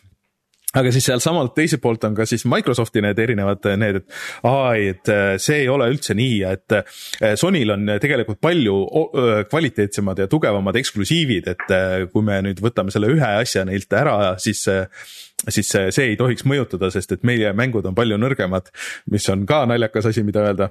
aga nagu äh, tundub, et äh, Sony lobi on viinud ikkagi nii kaugele, et äh, see mm, USA konkurentsiamet tahab selle ikkagi kohtusse viia ja, ja ikkagi vaadata neid asju täpsemalt läbi aga eks nagu selle kõige suur, selle seest kõlab nagu läbi see, et Sony tahaks, et Microsoft lõpuks ütleks, et okei okay,, fine et me ei pane mingi viis aastat või kümme aastat, me ei pane Call of Duty't Gamepassi. et äh, see on see, mida nad vist tahavad, äh, mulle tundub, et isegi kui Microsoft pak-, äh, pakkus diili Sonyle, et kuulge, et me kümneks aastaks lubame, et järgmised kümme aastat, kui teil on Playstation, siis see saab ilmuma seal ja kõik saab olema võrdne. isegi see ei rahuldanud Sonyt, et nad ikkagi kardavad seda Gamepassi, et ähm, isegi tõid mingisuguseid numbreid välja, mis oli vist üllatuseks, et ma ei tea, kas, kas oli kakskümmend kaheksa miljonit subscriber'it on nüüd Gamepassis ja et, et Sony on öelnud, et see on ikka eba, ebaõiglane konkurentsieelis, kuigi nendel ka on päris suur osa nüüd tuleb nendest erinevatest tellimustest ja, ja nad sujuvalt ütlevad ära, et, et Playstation plussi peab ka tellima, kui sa tahad mängida neid online mänge. Nii et see lihtsalt kogu see teema on naljakas, ma soovitan neid lugeda, see, see kogu see kohtuasi, see on lihtsalt ah,. ja siis, et eh, mida Sony ütles veel, et ja siis, et eh, kui nad saavad selle konkurentsieelise, siis, siis see annab neile ju võimaluse tõsta nii mängude kui, kui konsoolide hinda. aa, Sony, annab või? kes, kes seda tegi viimati muidu, kas Microsoft tegi või, või kellest te siin räägite just? mille hinda Sony tõstis, aa no, Playstationi nagu Playstation viie hinda. Sony tõstis nii Playstation viie hinda kui ka mängude hinda eh, võrreldes kõigi teistega, nii et äh, pada sõimab katelt siin või midagi sihukest. igatahes see kõik on mm. koomiline ja näis, kas see, et, et noh, tõenäosus on suur, et see läheb läbi, aga see ei ole ikkagi nagu päris kivisse raiutud ikka veel. Et Activision ise ütles, et nemad on äh, valmis ennast kohtus kaitsma ja ikkagi tahaks väga seda, et see deal läbi läheks, sest et äh, Microsoft pakub praegu topelt sisuliselt äh, seda aktsiahinda neile mm mul tuli vahepeal kass ähm,. jah, selles mõttes, selles mõttes ei taha jah, et kummalgi on konkurentsieelis ähm,. sest et jah, ikkagi paljud ju Microsofti asjad tegelikult maksab kinni mingisugune muu Windowsi raha ja mitte see, mitte see, mis nagu sellega teenitakse, pluss, pluss ähm,, pluss kui Gamepass peaks tõesti olema ainus sihuke arvestatav ähm, mänguteenus, siis äh, jah, kes neil äh, takistab selle hinda järsku mitmekordistama, kelle juurde siis lähed? Mida sa teed? no vot, see on, see on äh, mõnes mõttes on nagu point, aga jällegi on, äh, mulle tundub, et Sony ise nagu troppis oma selle palli nagu päris tugevasti selle Playstationi või Playstation plussi äh, rework'iga, mida nad siin tegid, et neil oli võimalus sellest palju atraktiivsem asi teha, aga nüüd nad jagasid selle juppideks ja, ja kõigil on segane ja nad vist äh, viimaste numbrite järgi isegi nagu kaotavad neid tellijaid, nii et äh, see.... muidugi seda kõike kindlasti praegu sellest äh, Microsofti vaatevinklist ei soosi see, et see uus Call of Duty on nüüd väga tugev ja väga edukas olnud, et see oleks, see on nagu väga halb koht, kus väita, et no tegelikult. mis see Call of Duty ei ole nüüd nii suur mänguseeria, et just, just, et Warzone kahel oli siin viie päevaga kakskümmend viis miljonit äh, mängijat ja, ja kõike muud et, et vabalt ja. nii suurte tehingute puhul see Call of Duty nagu rongi alla visata ei tundukski nagu nii suur asi kuulge, tehke see aasta veits kehvem mäng. jah, nagu tõmmake nagu natuke tagasi, et äh, ajage inimesed närvi, pange neid mikrotransaction eid hästi palju sinna ja tõmmake pooled serverid maha ja, ja siis järgmine aasta teeme korda, teeme korda. aga mm. rääkides äh, monopolidest internetis, siis äh, Steam ikkagi lammutab, et Rein ütles, võttis selle kõik väga hästi kokku, et Steam võitis selle PC platvormi sõja tehes? absoluutselt mitte kui midagi ma vaatasin äh, kohe järgi, et äh, see oli siis äh, detsember kaks tuhat kaheksateist, neli aastat tagasi, kui tehti Epicu mängupood. no need igasuguseid oma launcher eid varas, varem nagu suured firmad olid ikka teinud. aga, aga siis ka juhtus see, et umbes Ubisoft ja EA läksid ära ja Call of Duty'd ei olnud enam Steamis ja kõik kõik tahtsid nagu äh, oma platvorme ikkagi teha, kus peal on kus peal oma mänge müüa, sest mida sa saad mingile vahendajale ikka kolmkümmend protsenti maksad äh,. Bethesda tegi oma launcher'i ja kõik need. ja põhimõtteliselt, mis on siis aastate jooksul juhtunud, on see, et äh, Microsoft läks tagasi Steam'i äh,. EA läks tagasi Steam'i. kast ikka kaamera ümber kohe, kuule, kuule, kuule kass et Microsoft ja EA läksid tagasi Steam'i ähm,. Bethesda, nüüd on siis Warzone kui Activision Blizzardi mäng on, on ka Steam'is esimese, esimese Warzone'i mänguna. ja nüüd siis Ubisoft viimasena ütles, et äh, järgmised Assassin's Creed'i mängud tulevad ka Steam'i, et põhimõtteliselt Epic'u pood on veel püsti. Fortnite vaevalt, et Steam'i tuleb, kuigi mine tea, ühel päeval võib see juhtuda. Mm.. Äh, aga Epic ikka veel annab tasuta mänge, mitu aastat nüüd Epic on tasuta mänge juba? Andnud ära seal poes. et aga, aga äh, nagu... kõigil meil on korralik library juba neid tasuta Epic'u mänge kogunenud, kuni ühel päeval nad ütlevad, davai me nüüd rohkem ei viitsi mingisugust tiimi taga. aga selles suhtes, et eh, noh, see on jälle seesama case, et eh, ega nagu konkurents on hea, on ju et eh, aga, aga lihtsalt see Epiku poe areng on nagu natuke ikkagi olnud aeglane suures plaanis, et, et nad on ka nagu natuke lasknud selle kõige magusama momendi käest. et nad pakkusid küll paremat diili kõigile ja nii edasi, on, on ju, aga, aga et kuidagi see see keskkond ei ole nagu ikka mõnus kasutada, et no mega slow isegi mu selle uue masina peal, et kui ma võtan alt tab in sinna, et vaadata, mis need tasuta mängud on, siis see, see võtab jõhkralt aega.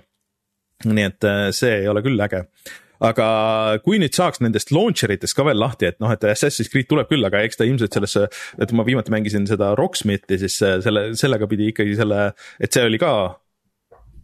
oota, see vist oli Epic, ei mis oli täiesti eraldi, ma isegi nüüd ei, ei mäleta, kuidas, kuidas see oli täpselt. et äh, igatahes sellega tuli ka äh, see äh, äh, Ubi er, eraldi launcher tööle panna see vist oli, või see oli ainult selle launcher'i seest, ühesõnaga, et kui sellest saaks lahti selle kõige no, juures, sest see... ID näiteks võttis ära, need kaotas täiesti ära ju selle oma selle Bethesda launcher'i, mis nendest isegi retrotuumidesse vahepeal sisse pandi jah, ma arvan, et uh, Ubisofti ja Uplay'ga on nagu reaalselt praeguseks võib-olla see, et nad lihtsalt ei oska. et see on nagu tehn-, tehniliselt liiga keeruline seda sealt vahelt ära võtta, et uh, kõik on liiga integreeritud. et vahepeal arendajatele öelda, et uh, nüüd on kõik meie PC mängud on Uplay mängud, siis tüüp mõtles, et oo jumal tänatud, lihtne. me siis integreerime selle kõik igale poole, et umbes uh, mängus Assassin's Creed'is nagu tuul ka ei puhu, kui, kui Uplay serverist ei öelda, et see on okei okay, ja siis nüüd seda kõike välja võtta lihtsalt on liiga keeruline, aga mine tea rääkides Ubisoftist, siis üks sihuke väike loll asi, mida ma nägin, et äh, tegelikult Splinter Celli äh, kahekümnes aastapäev vist on praegu äh, sellel aastal. ja sellega seoses noh, mida me kõik tahaks, on ju Splinter Celli raadiodraama, mida teeb BBC Radio four, et äh, Ubisoft on vist nõus nagu sisuliselt ükstaspuha mida kõike muud tegema Splinter Celli puhul, välja arvatud uut mängu, et see vist kuskil on, samas käis ka uudis, et kuskil on pre-produktsioonis, aga lihtsalt, et äh, me teeme selle raadio kuuldemängu enne, kui me hakkame teile mingisugust uut mängu tegema nende aastate jooksul. Hmm.. BBC raadiodraamad on kohati väga lahedad. jah, et ma just mõtlen, et no iseenesest see on nagu cool, aga kuule nagu come on. See, see ei ole see, mida inimesed tahavad, et tehke üks korralik Splinter Cell nüüd mm. -hmm. ja tegelikult ehm, veel siia juurde üks nagu sihuke, et kui me räägime nendest igasugustest poodidest ja asjadest, siis äh, ma ei tea, kas sa mõnda nendest äh,, nendest Square'i äh, Go mängudest mängisid, et äh, need olid Hitman Go, Lara Croft Go et vist oli isegi kaks tükki või? Ja siis äh, Deus Ex Go, et äh, kas sa oled ühtegi neist proovinud? mingi huvi oli, aga ei jõudnud ühegini, kusjuures mingist neist oli isegi VR-versioon või? ma just täpselt ei mäleta, millal. Hitman vist tuli, et need on nagu põhimõtteliselt siuksed käi-, käigupõhised lauamängud, kus sa vaatad siukest isomeetrilist mängulauda, sul on mingi teatud punktid, sa pead nagu nuputama seal ja see, seda Hitmani ma mängisin isegi oma iPad'i peal vist ja see, see oli tõesti väga hea, et see lõpuks hiljem tuli igast konsoolidele ja mujale, aga originaalist oli ikkagi mobiilimäng. ja nüüd siis anti teada, et kuigi äh, see va, Embracer ostis ju ära äh, siis äh, selle mm, äh, noh, ütle nüüd äh,. Square'i. see stuudio mitte Square'i, aga see stuudio, kes tegi Lara Crofti äh, siis Tomb Raiderit ja siis äh, ka Deus Exi ehk siis äh, ähm, tahan öelda Quantic Dream, aga tegelikult äh, mõtlen ähm, äh, seda, mitte core design, aga. Crystal Dynamics äh, Crystal, Crystal Dynamics ja just sellest tuli ka Big No äh, klipi dokumentaar just, mille ma täna ära vaatasin ja soovitan tegelikult kõigile vaadata. aga äh, ostisid ära, ütlesid, et ei, et see nüüd ei tohiks midagi mõjutada, aga Deus Ex Go siiski kaob ära äh,. ja kaob ka niimoodi ära, et isegi kui sul on see ostetud, telefoni tõmmatud, siis sa ei saa seda tööle panna, see kaob sul telefonist ära.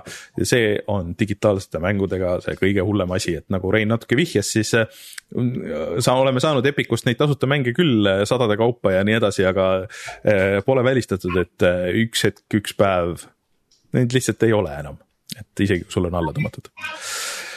et äh, nõme, et siuksed asjad juhtuvad nii et kes tahab, siis saab kiiresti mängida.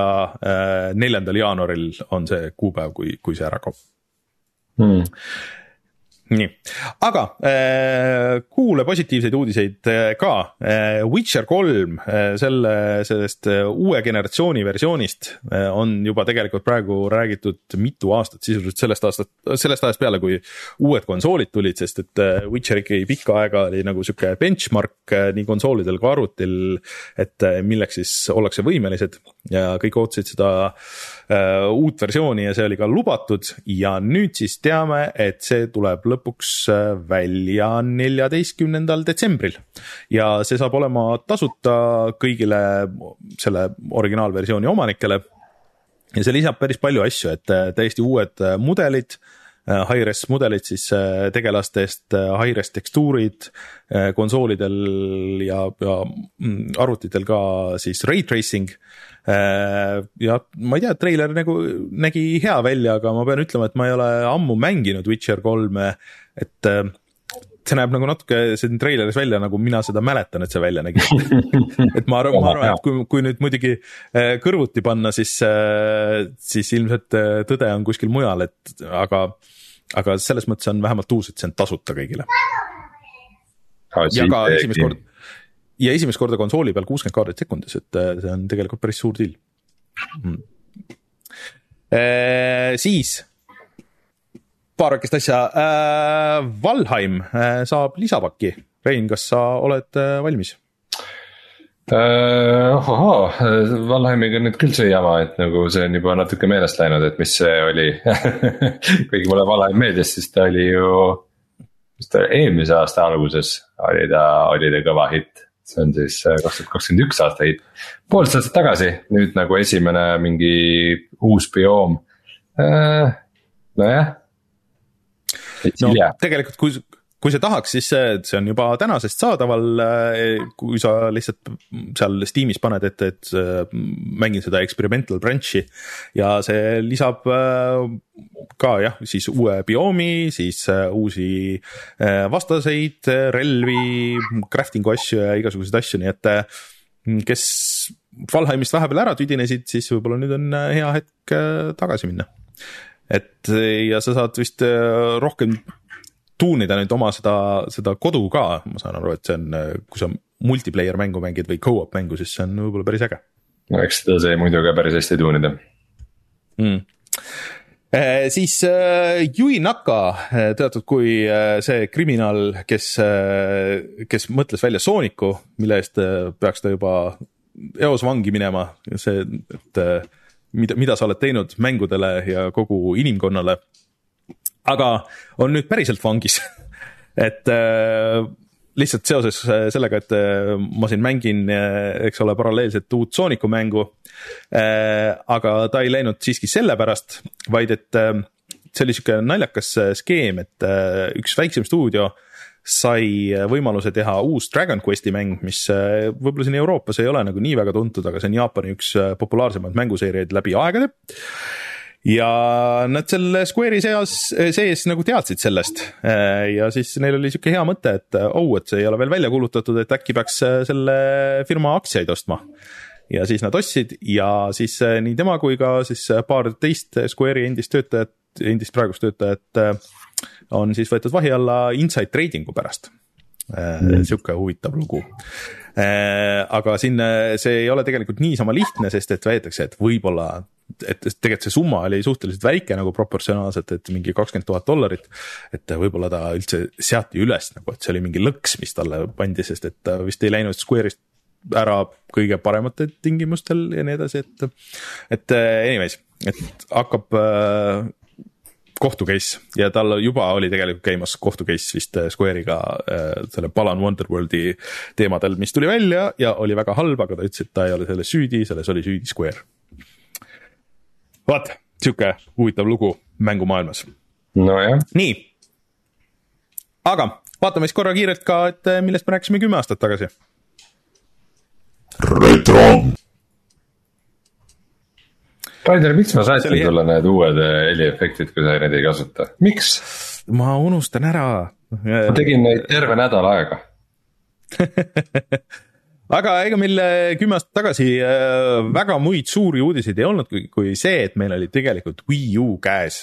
Ja mina rääkisin sellest, kuidas oli mängida Wii U-d. Ja ma mäletan, et ma olin alguses ikka väga võetud sellest, mulle väga meeldib, minu meelest Wii U siiamaani on ikkagi nagu ideeliselt väga hea konsool, aga ta oli rohkem oma aja eest ees, kui see riistvara võimaldas, kahjuks. et äh, Wii U peale tuli ka proportsionaalselt äh, nagu väga palju häid mänge Nintendo enda poolt, aga, aga lihtsalt kuna see müüs nii halvasti, siis äh, ei olnud midagi teha äh,. ja meil on uudistesse veel suured kirjutatud mulle meeldib, sest selle faili üles leidsid kas me kümme aastat tagasi hakkasimegi, hakkasime Drive'i faile tegema meil oli algusest peale Drive'i failid. okei okay., et meil on suurelt kirjutanud uudiste vahele teleglitch. ega sa ometi ei tähendanud seda, et teleglitch'i kutid meil külas käisid see saade? kusjuures see on päris hea küsimus. seal alguses Edvin ja kaks venda käisid meil külas küll. et see võis olla küll seal kuskil. Aga see on lühemalt siin, nii et, et võib-olla me lihtsalt ütlesime, et see on lõpuks väljas. ma ei tea see on ka ikkagi siis mäng, mida võib pidada üheks Eesti mängunduse edulooks.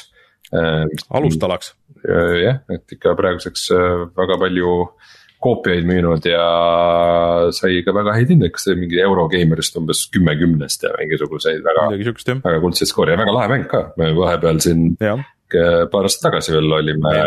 Martin Metsaga päris sõltuvuses ja kogu aeg chat'is käis mingi, aa ma jõudsin kuuendasse levelisse, aa ma jõudsin seitsmendasse levelisse, aa kurat minge, minge vaadake, meil on video ka sellest äh, ikkagi suhteliselt värske. Äh, ja Martin on mänginud Max Payne kolme ja sina oled mänginud Chivalry't, kas see Chivalry on tõesti kümme aastat vana mäng juba? jah, vaata Chivalry'le tuli mingisugune järg mõtteline. kas Chivalry kaks ei tulnud mitte just? Chivalry kaks ja siis mingi teine sarnane mäng tuli ka vist või? sai võib-olla populaarseks, ma ei mõtle nüüd For Honorit, vaid, vaid, äh, vaid mis. sulle meeldib see teise nimi, aga mina jah, sellest, kuigi alguses oli lõbus, siis sellest stseenest ma kuidagi jäin väga kõrvale. ja mina mängisin Crash Time viite ka, mille ma lõpuks ostsin, see oli see Cobra väga, väga halb mäng, nagu tõesti väga halb mäng, kutsuge Cobra üksteist teemal tehtud äh, Playstation kolme avat-, poolavatud maailma sõidumäng, mis on, see on ikka nagu sihuke Äh, äh, need simulaatorid, mis me oleme mänginud, see, see autobaan simulaator ja midagi sihukest, siis need kahvatuvad selle Crash Time viie kõrval, see on ikka, ikka kohutav. aga see läheb siiamaani edasi, selle vist on äh, mingid paar uut osa ka tulnud. vot et aga mis minu jaoks täna oli üllatus, on see, et, et see Tomb Raideri reboot, mis on minu peas ikkagi see uus Tomb Raider, et see saab mhm. kohe kümme aastat vanaks. see, nagu, et äh, vaatasin seda Crystal Dynamicsi dokki ja siis nojah, et siis, siis kümme aastat tagasi, et siis me äh, võtsime kätte ja siis me oli plaan, et, et hakkame tegema, millal ah, ja siis äh, Äh, Youtube'is meil oli ka, oligi kümme aastat tagasi, meil oli see Wii U ülevaade video. et mm -hmm. see oli meie sihuke väga suur produktsioon, et kus me vaatasime ja Rein lõikas ja filmisime minu juures ja. ma filmisin vist eraldi katet veel ja mingeid asju ja tegime treilereid ja värke ja mm. -hmm. ja see oli, see oli ikka jah, keeruline. jah, kuule, aga tuleme siis tagasi ja räägime mängudest ka, et ma olen palju uusi asju mänginud tegelikult. no jutusta meile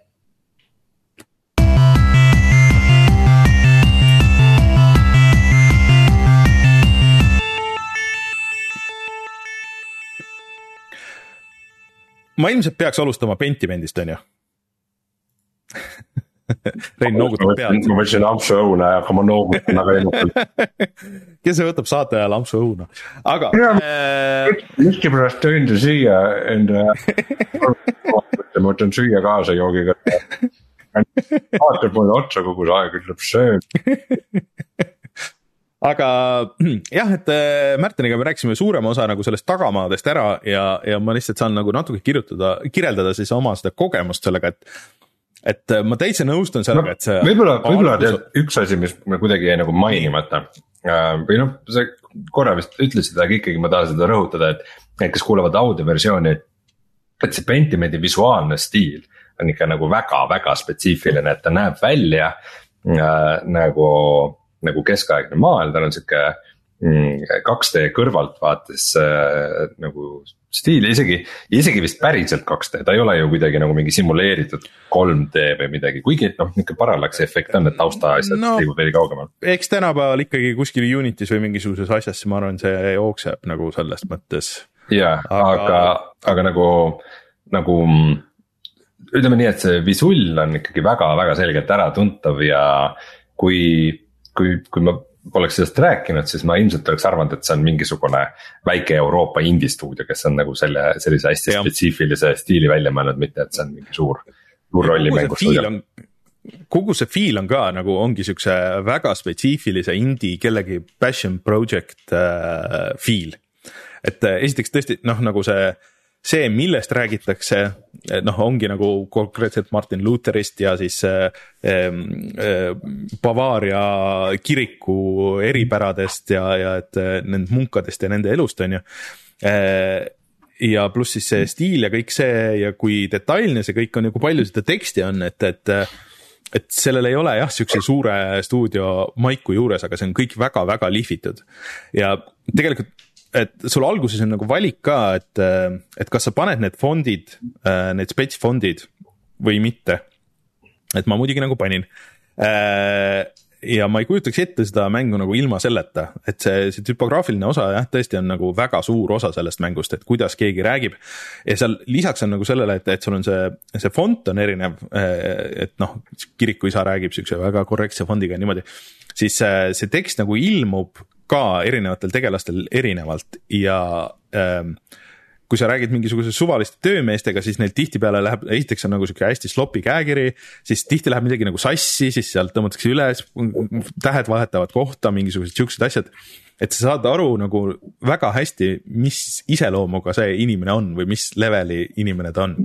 et, see on väga äge touch, mida ma tõesti ei ole kuskil mujal näinud, et ma vaatasin tiitreid ka sellel mängul et lihtsalt, et kui suur nagu see tiim on, see tiim tõesti on jah, nagu väike, aga nendest oli neli või viis inimest tegelesid tüpograafia ja fontide disainiga mis, mis on nagu äh,, tuleb siit välja. aga, aga ma pean tunnistama ja ma ei ole vist ainuke äh, oma äh, selle mängu Twitteri põhjal, et äh, et äh, inimesed on tulnud tagasi, et kuulge, sorry, et ma olin ebaõiglane selle, selle Pentimendi vastu, et mängisin kümme mintse ja siis äh, ütlesin, et see pole mäng minule. aga siis ma pressisin ennast sealt läbi ja see tõesti klikkis ja mul oli täpselt sama case, et, et see alguses nagu, et ta on tõesti, see liikumine on nagu natuke imelik, natuke slow äh,. ja, ja see, seda teksti lihtsalt on nagu, nagu väga palju, et seda kõike nagu hoomata, on ju ja kõike seda, mis seal toimub ja, ja mida räägitakse ja kuhu sa saad minna, et see linn on nagu tegelikult päris suur ja see, see klooster, kus sa lähed, et sa oled äh, siis äh, jah, kunstnik, kes teeb oma masterpiece'i ja siis plaan on see, et sa teed selle seal valmis.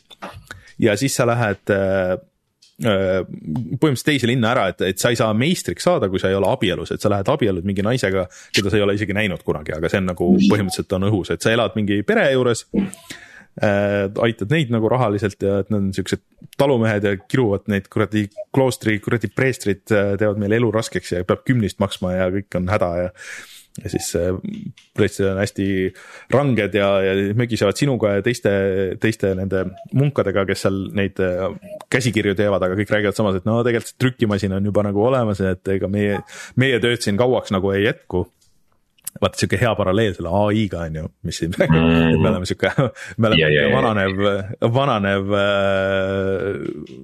vananevad töötajad ja ega meile varsti enam meid kellelegi vaja ei ole. et äh, ma ei tea, kas see on tahtlik või mitte, aga, aga mul nagu kuidagi seostus see äh, et kui sa nagu saad nende inimestega tuttavaks ja see kirjutamine lihtsalt on noh, isegi kui Märten meil ei oleks siin käinud, et ma pean kiitma, et see kirjutamine on lihtsalt nagu nii hästi tehtud, see on nii hästi kirjutatud, et iga, iga tegelane on nagu selles mõttes huvitav. ja see tõmbab nagu ennast sinna sisse, et äh, ainuke asi, mis mulle nagu natuke käib närvidele, on see, et isegi kui sa paned selle teksti kiiruse nagu kõige kiirema peale, siis see teksti ilmumine, see kõik võtab nagu aega, et ta on nagu ta, ta ei lasegi sul nagu väga kiires tempos mängida, et vaata mõned hiireklikikad ja nii edasi, et isegi kui sul on dialoog, kas siis audio või, või, või loetav, siis sa saad nagu skip ida või noh, visata, et okei okay,, davai, anna mulle kõik. siin sa seda teha ei saa, et sa pead ikkagi nagu süvenema minema, et et see on nagu sihuke natuke nagu mõnes mõttes nagu seisundimäng ka, et sa ei saa seda iga hetk mängida, mulle tundub, et sa pead nagu natuke valmistuma selleks mm. -hmm. et. oota, aga, aga, aga rääkides nagu mängitavusest endast, et äh, tal on ikkagi see ma saan aru, et peale seda esimest paari tundi ta nagu avaneb rohkem, aga kas ta nagu, kui palju ta nagu hargneb või kui palju sa mingit valikut pead tegema, kas sa arendad oma karakterit kuidagi? ei, sa ei arenda, aga sa teed valikud, et põhimõtteliselt käib ikkagi äh, dialoogi valikute põhjal see kõik, et äh, sul on päris palju tegelased nii vist selles põhiloos kui kõrvalloos äh,. kus sa saad nagu valida, et mida sa ütled ja siis seal on nagu seesama see Deltali asi, et okei okay,, this will be remembered. et äh, kui sa teed mingi olulise valiku ja sul on nagu mingites situatsioonides sulle antakse veel nagu natuke sihukest äh, nagu konteksti, mida sa võib-olla nagu sealt mängust endast ei saa, et okei okay,, et noh põhimõtteliselt sa võid nagu niimoodi öelda, aga võta siis teadmiseks, et äh, see, kas ei ole kohane või et võib-olla sa nagu ei peaks seda tegema, aga sa saad minna sellele vastu. mis on tegelikult iseenesest äge, aga ta on üldiselt, noh, ta on põhimõtteliselt hiireklikikas nagu, et, et sa lähed kuskile ruumi, sa näed kohe ära, et okei okay,, siin on mingid asjad, millega ma saan interakteeruda. mõned inimesed, kellega ma saan rääkida, mõnega, kellega ei saa äh, ja siis äh, põhimõtteliselt siin vähemalt alguse esimese paari tunniga, et siis päev läheb edasi, mingeid asju sa saad päeva jooksul teha, mingeid asju sa ei saa, kui sa neid ära ei tee, siis äh, mingil teisel ajal sa nagu juba ei saa, sest et see lugu läheb edasi ja inimesed elavad nagu justkui oma elu nagu selles mõttes. et äh, ma jah, olen positiivselt üllatunud aga mulle tundub, äh, vaadates siin, ma panin taustaks ühe video käima sellest algusest, äh, mulle tundub, et mul jäi väga palju nägemata sealt algusest, sest mul oli nagu tunne, et okei okay,, et äh, seal on, seal nagu natuke sihuke ajaline pressure on nagu peal, et ma ei saanud aru, et kas see nagu mõjutab seda mängu või mitte, mulle tundub, et pigem mitte, et äh, minge siis käige rohkem läbi ja rääkige kõigiga, et. Äh, et ma sain aru, et seal oli kogu aeg hästi kiire, et sul oli hästi kiire, sa olid juba hiljaks jäänud igale poole, et aa, sa pead kohe minema ja tegema oma tööd, aga.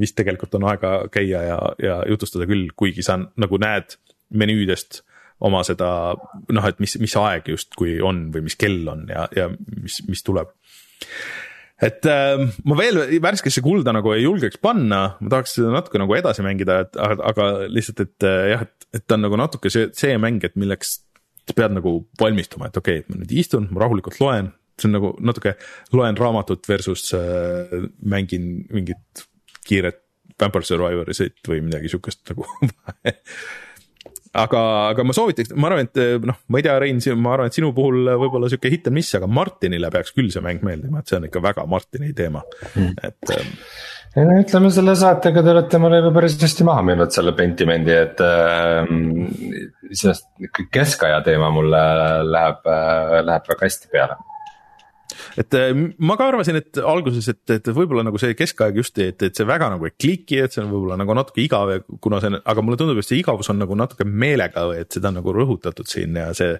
see nagu mängib veel nagu omaette siin, et, et kõik inimesed ongi nagu oma asjades kinni ja et, et, et mis sa siis teed, kui ei ole midagi teha mm. -hmm. et, et, et äh, väga unikaalne mäng kohe kindlasti, et selle vastu ei, ei saa midagi öelda ma võtan äh, läpaka, lähen kuhugi Tallinna vanalinna kohvikusse ja istun seal maha ja mõnusasti klapid peas mängin seda ja.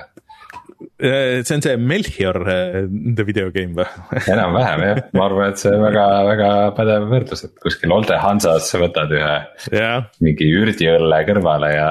mega, mega kallis, aga ikkagi aga jah, et äh, soovitan kõigil proovida vähemalt, et äh, kellel Gamepass on kindlasti, et see on olemas nii PC-l kui, kui konsoolil ja konsoolil tegelikult on, äh, ma vaatasin, et natuke olin mures, et selle lugemise sellepärast, et sul on päris palju setting uid, et seda teksti nagu tegelikult päris suureks keerata, et oli täitsa nagu mugav.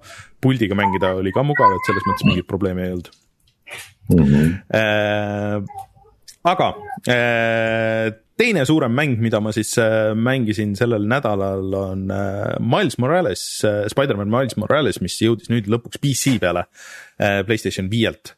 ja ma pean ütlema, et mulle need esimesed mingi, ma ei tea, mingi kolm tundi, neli tundi, mis ma praeguseks olen mänginud on meeldinud oluliselt rohkem kui võib-olla kogu see ülejäänud suur mäng kokku. Okay.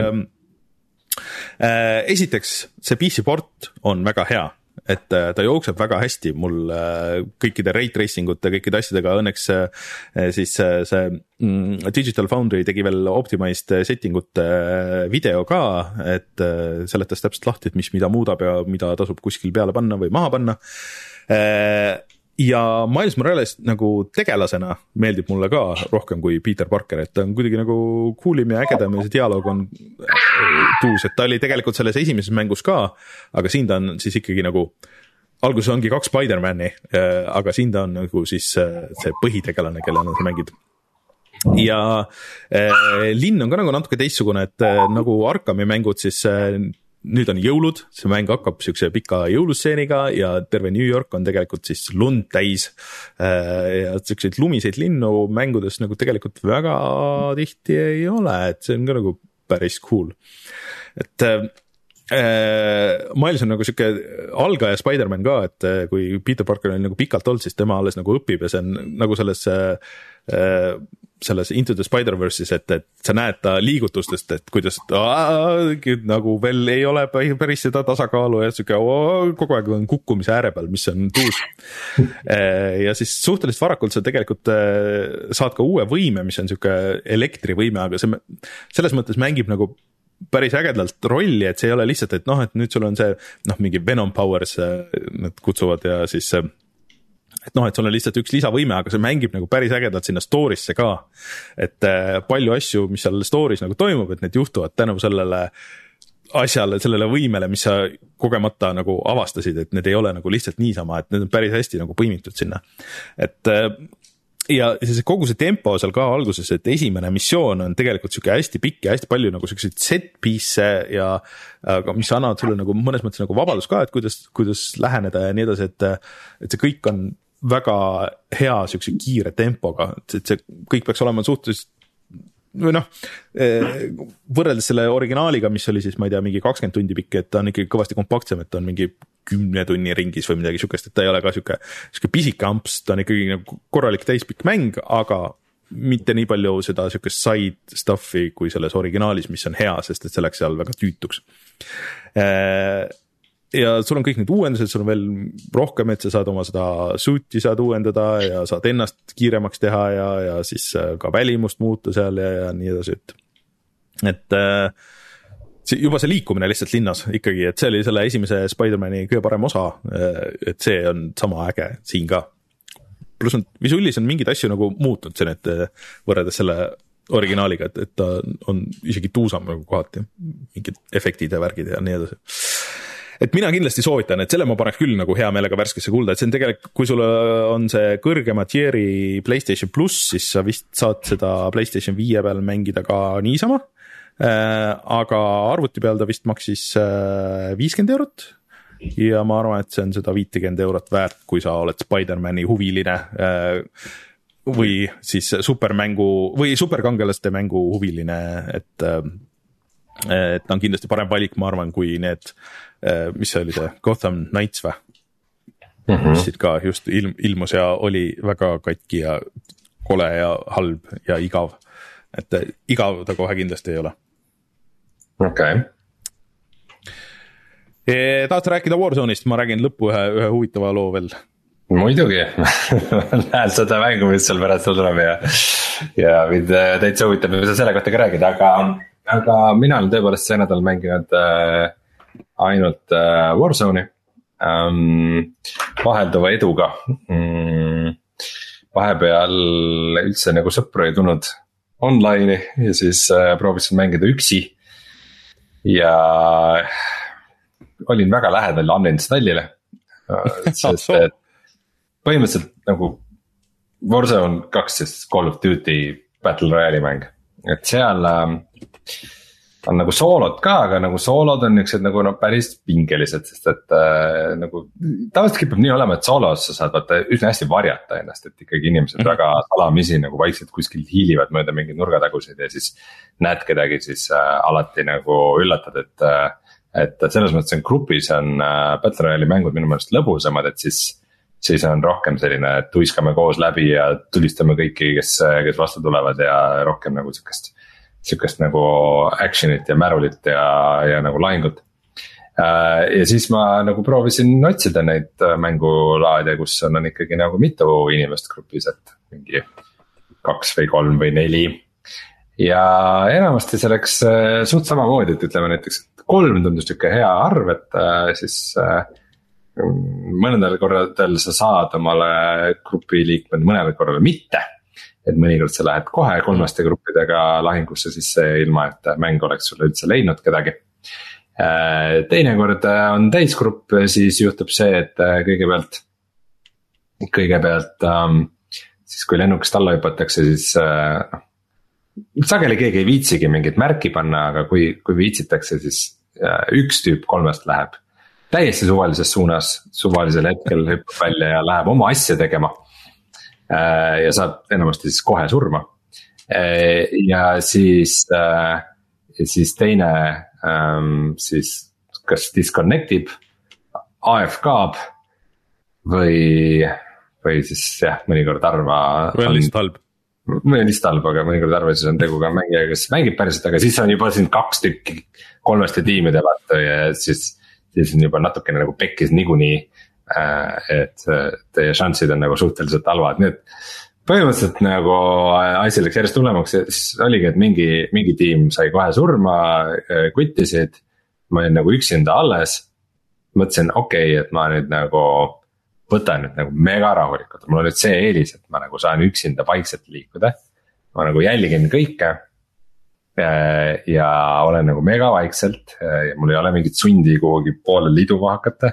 Ootan, et kuidas see ring kahaneb, on ju, ja jälgin, mis toimub ja mingi snaipriga seal kuskil maja katuseid mööda roomasin väga vaikselt, jälgisin ümber, ümbruskonda. mitte midagi ei toimunud, mitte kedagi ei näinud Äh, siis linnas üksinda põhimõtteliselt siis vaikselt nagu loot isin ja uurisin ja hästi rahulikult liikusin ja värki ja siis. lõpuks nagu ma ei tea, kümme minutit olin olnud seal linnas ja siis äh, vaikselt niimoodi loot inud ja ümbrust jälginud ja siis. ja siis ta jõudis gaas nagu vaikselt sinna ja siis hakkasin vaikselt minema ja siis kuskil sisehoovis. selles linnas, kus ma olin reaalselt kümme minutit lihtsalt passinud lihtsalt jooksin sülle kolmesele grupile, kes on nii muus eas nagu äh, jooksid ringi ja luutisid lihtsalt nagu. ei pannud tähelegi mind, kuni ma lihtsalt nii vaatasin, aa mingi tüüp jookseb mööda, siis kolmekesi lasime maha. ja siis ma mõtlesin, et nagu ma ei viitsi nagu, ma olen andnud palju, mida, mida ma teen seal mängus. aga õnneks aga... Äh, siis ma leidsin oma, et minu vanad äh, pubgi sõbrad ikka mängivad veel pubgi sealhulgas äh, ka, ka siis äh,.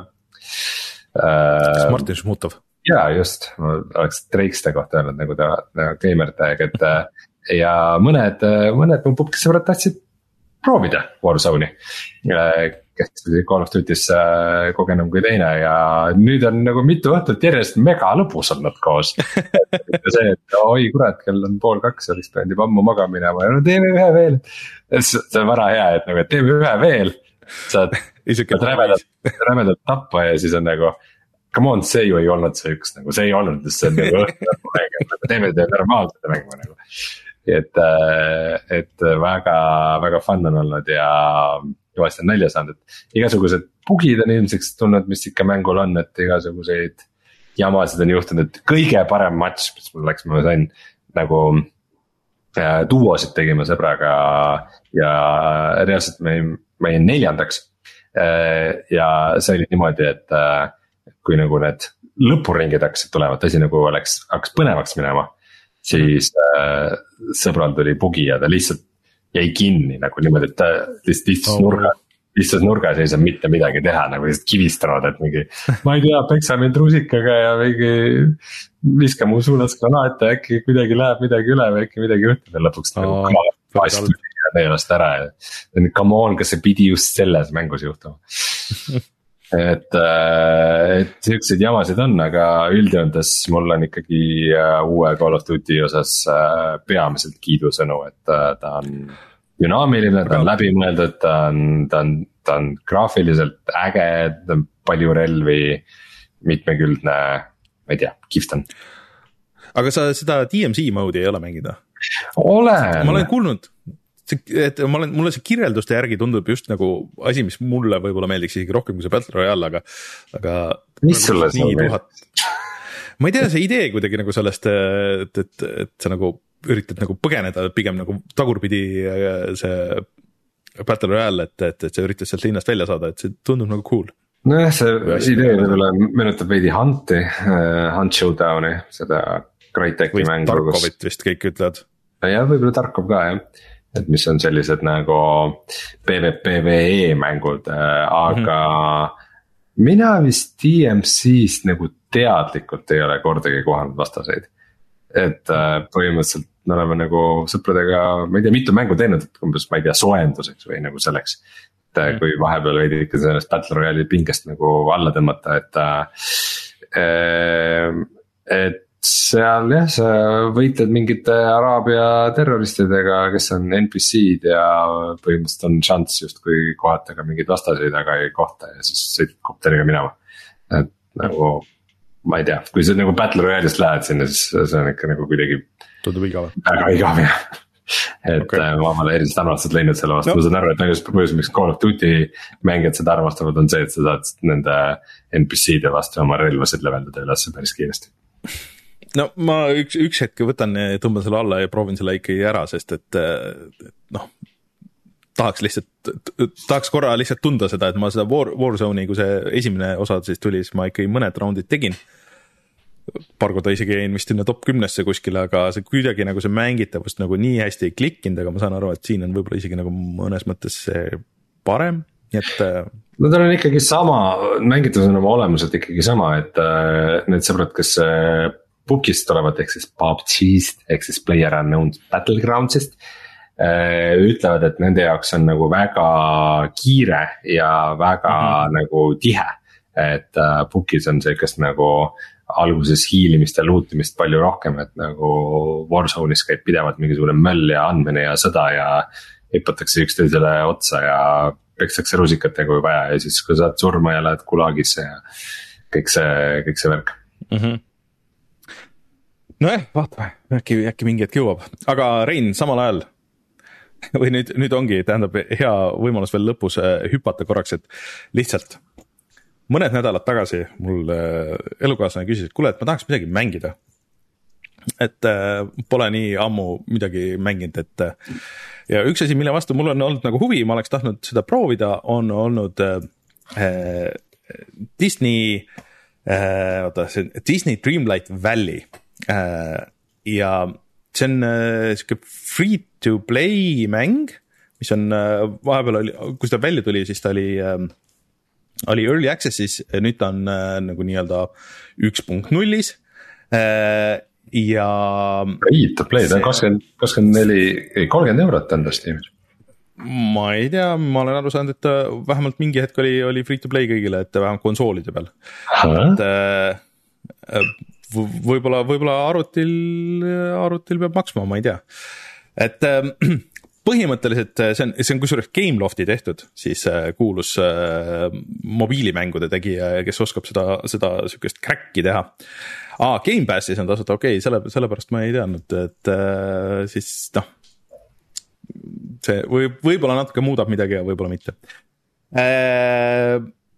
ja põhimõtteliselt see on siis äh, Animal Crossing, aga äh, Disney karakteritega.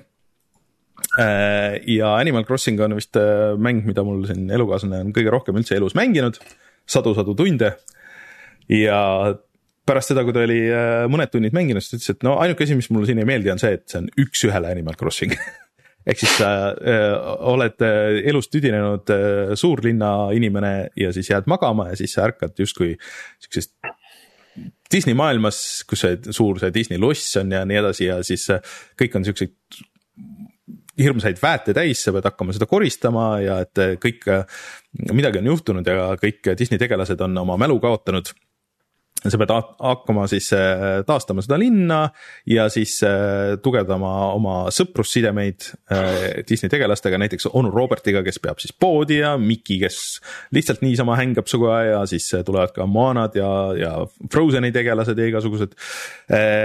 ja siis edasi nagu sa lihtsalt teedki neid asju, et leveldad ja küpsetad ja kasvatad ja kogud asju.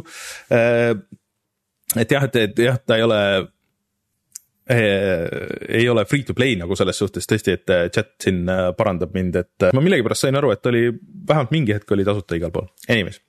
et kui raha eest, siis raha eest, aga tal on ikka nagu päris palju sisu ja päris palju tegemist ja ta on nagu kuigi ta on varastanud äh, sisuliselt kõik mängitavuse otse Animal Crossing ult, äh, siis äh, ta on võtnud ära selle nagu ajaelemendi, et sa ei pea nagu ootama ega ähm, päevade kaupa nagu passima, et sa saad nagu ikkagi nagu järjest mängida, mis oli võib-olla see Animal Crossing'u puhul kõige suurem miinus, et sa mingi hetk, sul tekkis nagu see noh, nagu ka mobiilimängudes, et, et okei okay,, et ma nüüd pean järgmise päevani ootama või siis raha maksma, noh Animal Crossing us sa ei saa küll raha maksta, aga. et, et mul lihtsalt ei ole nagu midagi teha, aga siin tundub, et on äh, midagi kogu aeg teha. lihtsalt kuidas see kõik nagu päädis, on see, et, et mul on nüüd väga raske telekasse saada, et telekat kasutada, sest et ka praegusel hetkel, mil me salvestame seda saadet, siis ma näen, kuidas Disney Dreamlight Valley käib seal, et et on üllatavalt äh, hästi tehtud mäng. Ja ta kasutab ära ka päris paljusid neid Disney litsentse ja, ja, ja nagu töötab selle kõige juures, et äh, ma isegi ei oska nagu midagi halba öelda selle kohta, et, äh, et aga asi on see, et. jah, räägi. Et, et noh, et, et ma võib-olla julgeks nagu seda lastele soovitada, aga äh, siin on päris palju teksti ja siin ei ole nagu voice over'it, et äh, kõikidel, et see on sihuke Jaapani see RPG stiilis, et äh, Mikki teeb ja siis on neli lehekülge teksti. ja, ja peab oskama lugeda ja aru saama hästi asjadest, et mis, mis äh, sult oodatakse või mida, mida sult tahetakse, et et, et see on nagu ainuke miinus võib-olla. see on tõesti miinus. muidu aga muidu see sobiks äh, lastele, ma ütleks, et äh, väga hästi. et äh, aga... Frozen'i tegelased tulevad suhteliselt kiirelt. ma juba guugeldasin, et Encanto tegelasi ei ole, minu, minu lapsed fännavad Encantot väga ah.. aga see... neile, kes ei ole mänginud Animal Crossing ut, et ähm, võib-olla nagu paari sõnaga kirjeldad seda, seda mitmikmängu elementi. siin ei ole mitmikmängu. seal ei ole mitmikmängu? mm. -mm. Animal Crossingus ju äh, oli.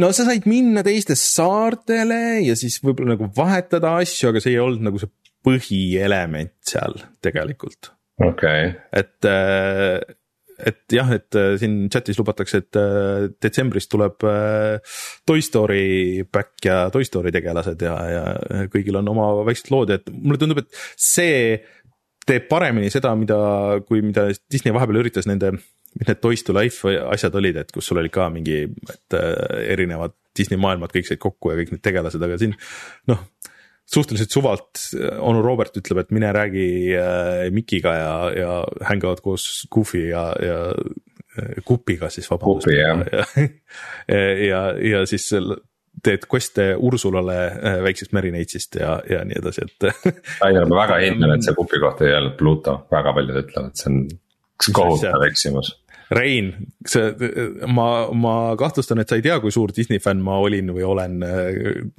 elus. no ma ei tea, see on nagu, see on nagu mingi teadvustamatu asi või nagu see on see, et vaata Eesti, eestikeelsed need tõlked ei ole kuidagi vist hästi kokku lepitud või.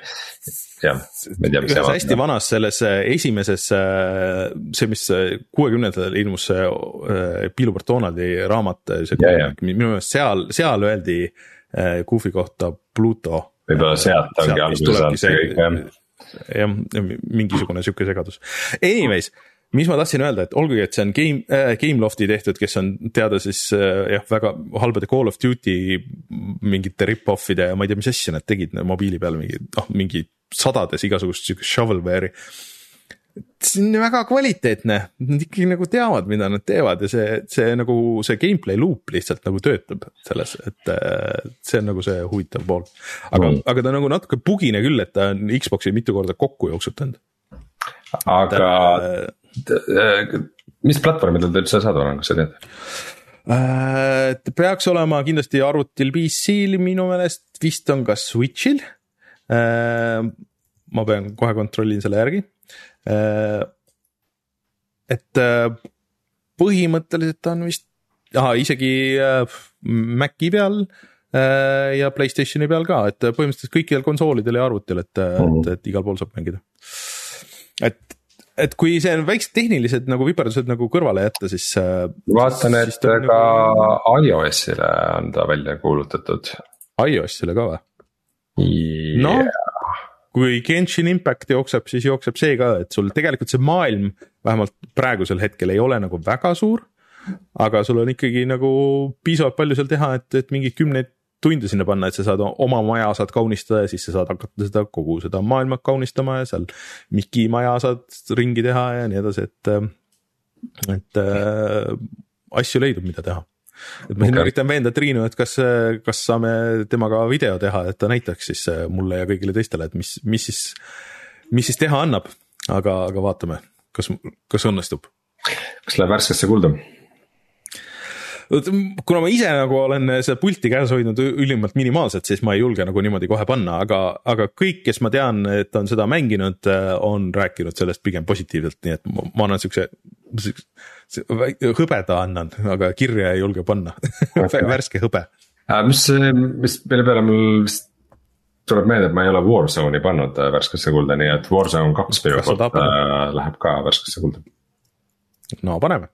paneme. Nii, aga siis äh, täna on olnud mingi megapikk saade äh,, vaatan, et salvestus on kaks tundi praegu. Äh, et äh, vajutan siis nuppu ja tuleme tagasi ja vaatame, mis on internetis odav. Hmm.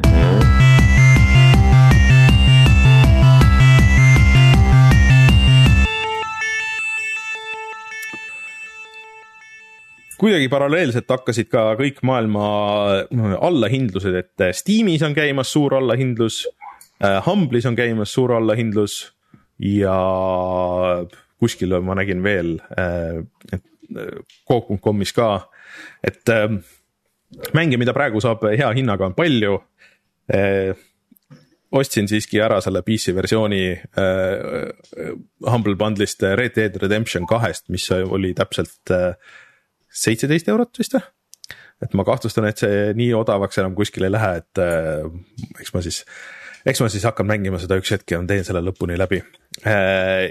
ja siis äh, ostsin ka selle äh, Cupheadi DLC mis pidi väga hea olema, kuigi raske eh,. oli päris eh, ka suure allahindlusega, kas ikka mingi kolmkümmend protsenti või midagi, kuigi see see aasta tuli eh,. Aga tasuta on ka palju asju, hetkel praegu näiteks on eh, Narita Boy eh, sihuke Metroidvania on Coop.com'is tasuta. Star Citizen on tasuta mängitav novembri lõpuni. Rein, kui sa uue, uue graafikakaardi saad, siis asju, mida sulle proovida okay. kui sa nii kiiresti saad selle uh,. siis- Star Wars Squadrons on Epiku poes praegu tasuta.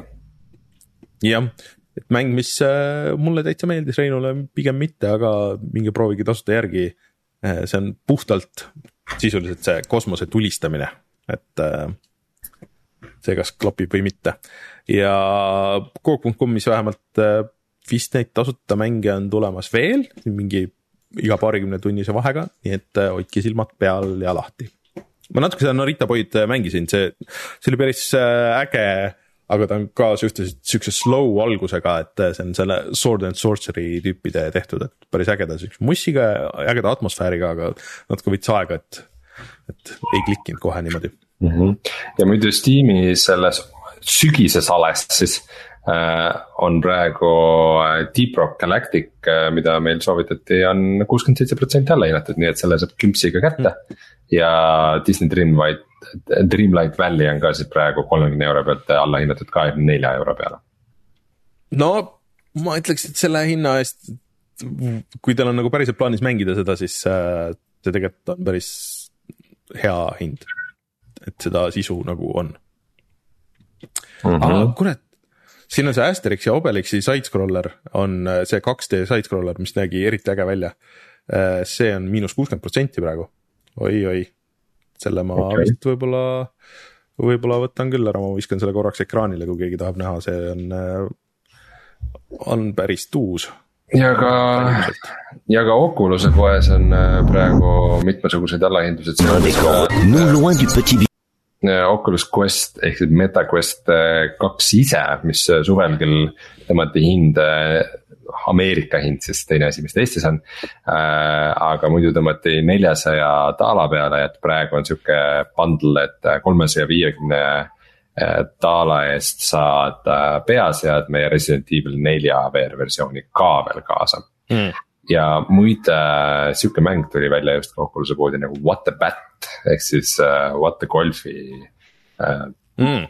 sihuke VR äh, lollitamise okay. spin-off, mis äh, juba siin on saanud päris häid arvustusi. okei okay., aga see Asterix, see tundub just sihuke, tahan, tahan mängida sihuke old school äh, see belt scroller, nagu neid kutsuti. Asterix ja Obelix on äge, vot kuule, aga kutsume selle saate, pika saate ja Metal Helsinger ka miinus kolmkümmend neli protsenti, nii et. äh, palun väga. kui sa tahad. No palun et, äh, väga äh, me oleme tagasi järgmisel nädalal suured,, suured-suured tänud Märtenile, oli väga huvitav vestlus teemadel, mille, mille peale võib-olla tihtipeale ei mõtlegi, et keegi ju kirjutab neid mänge ja mina olen Rainer, minuga Rein. järgmine nädal loodetavasti Martin on tagasi, kuuleme lõplikke arvamusi God of War'ist. ja siis kohtume juba järgmisel nädalal. tšau. tšau.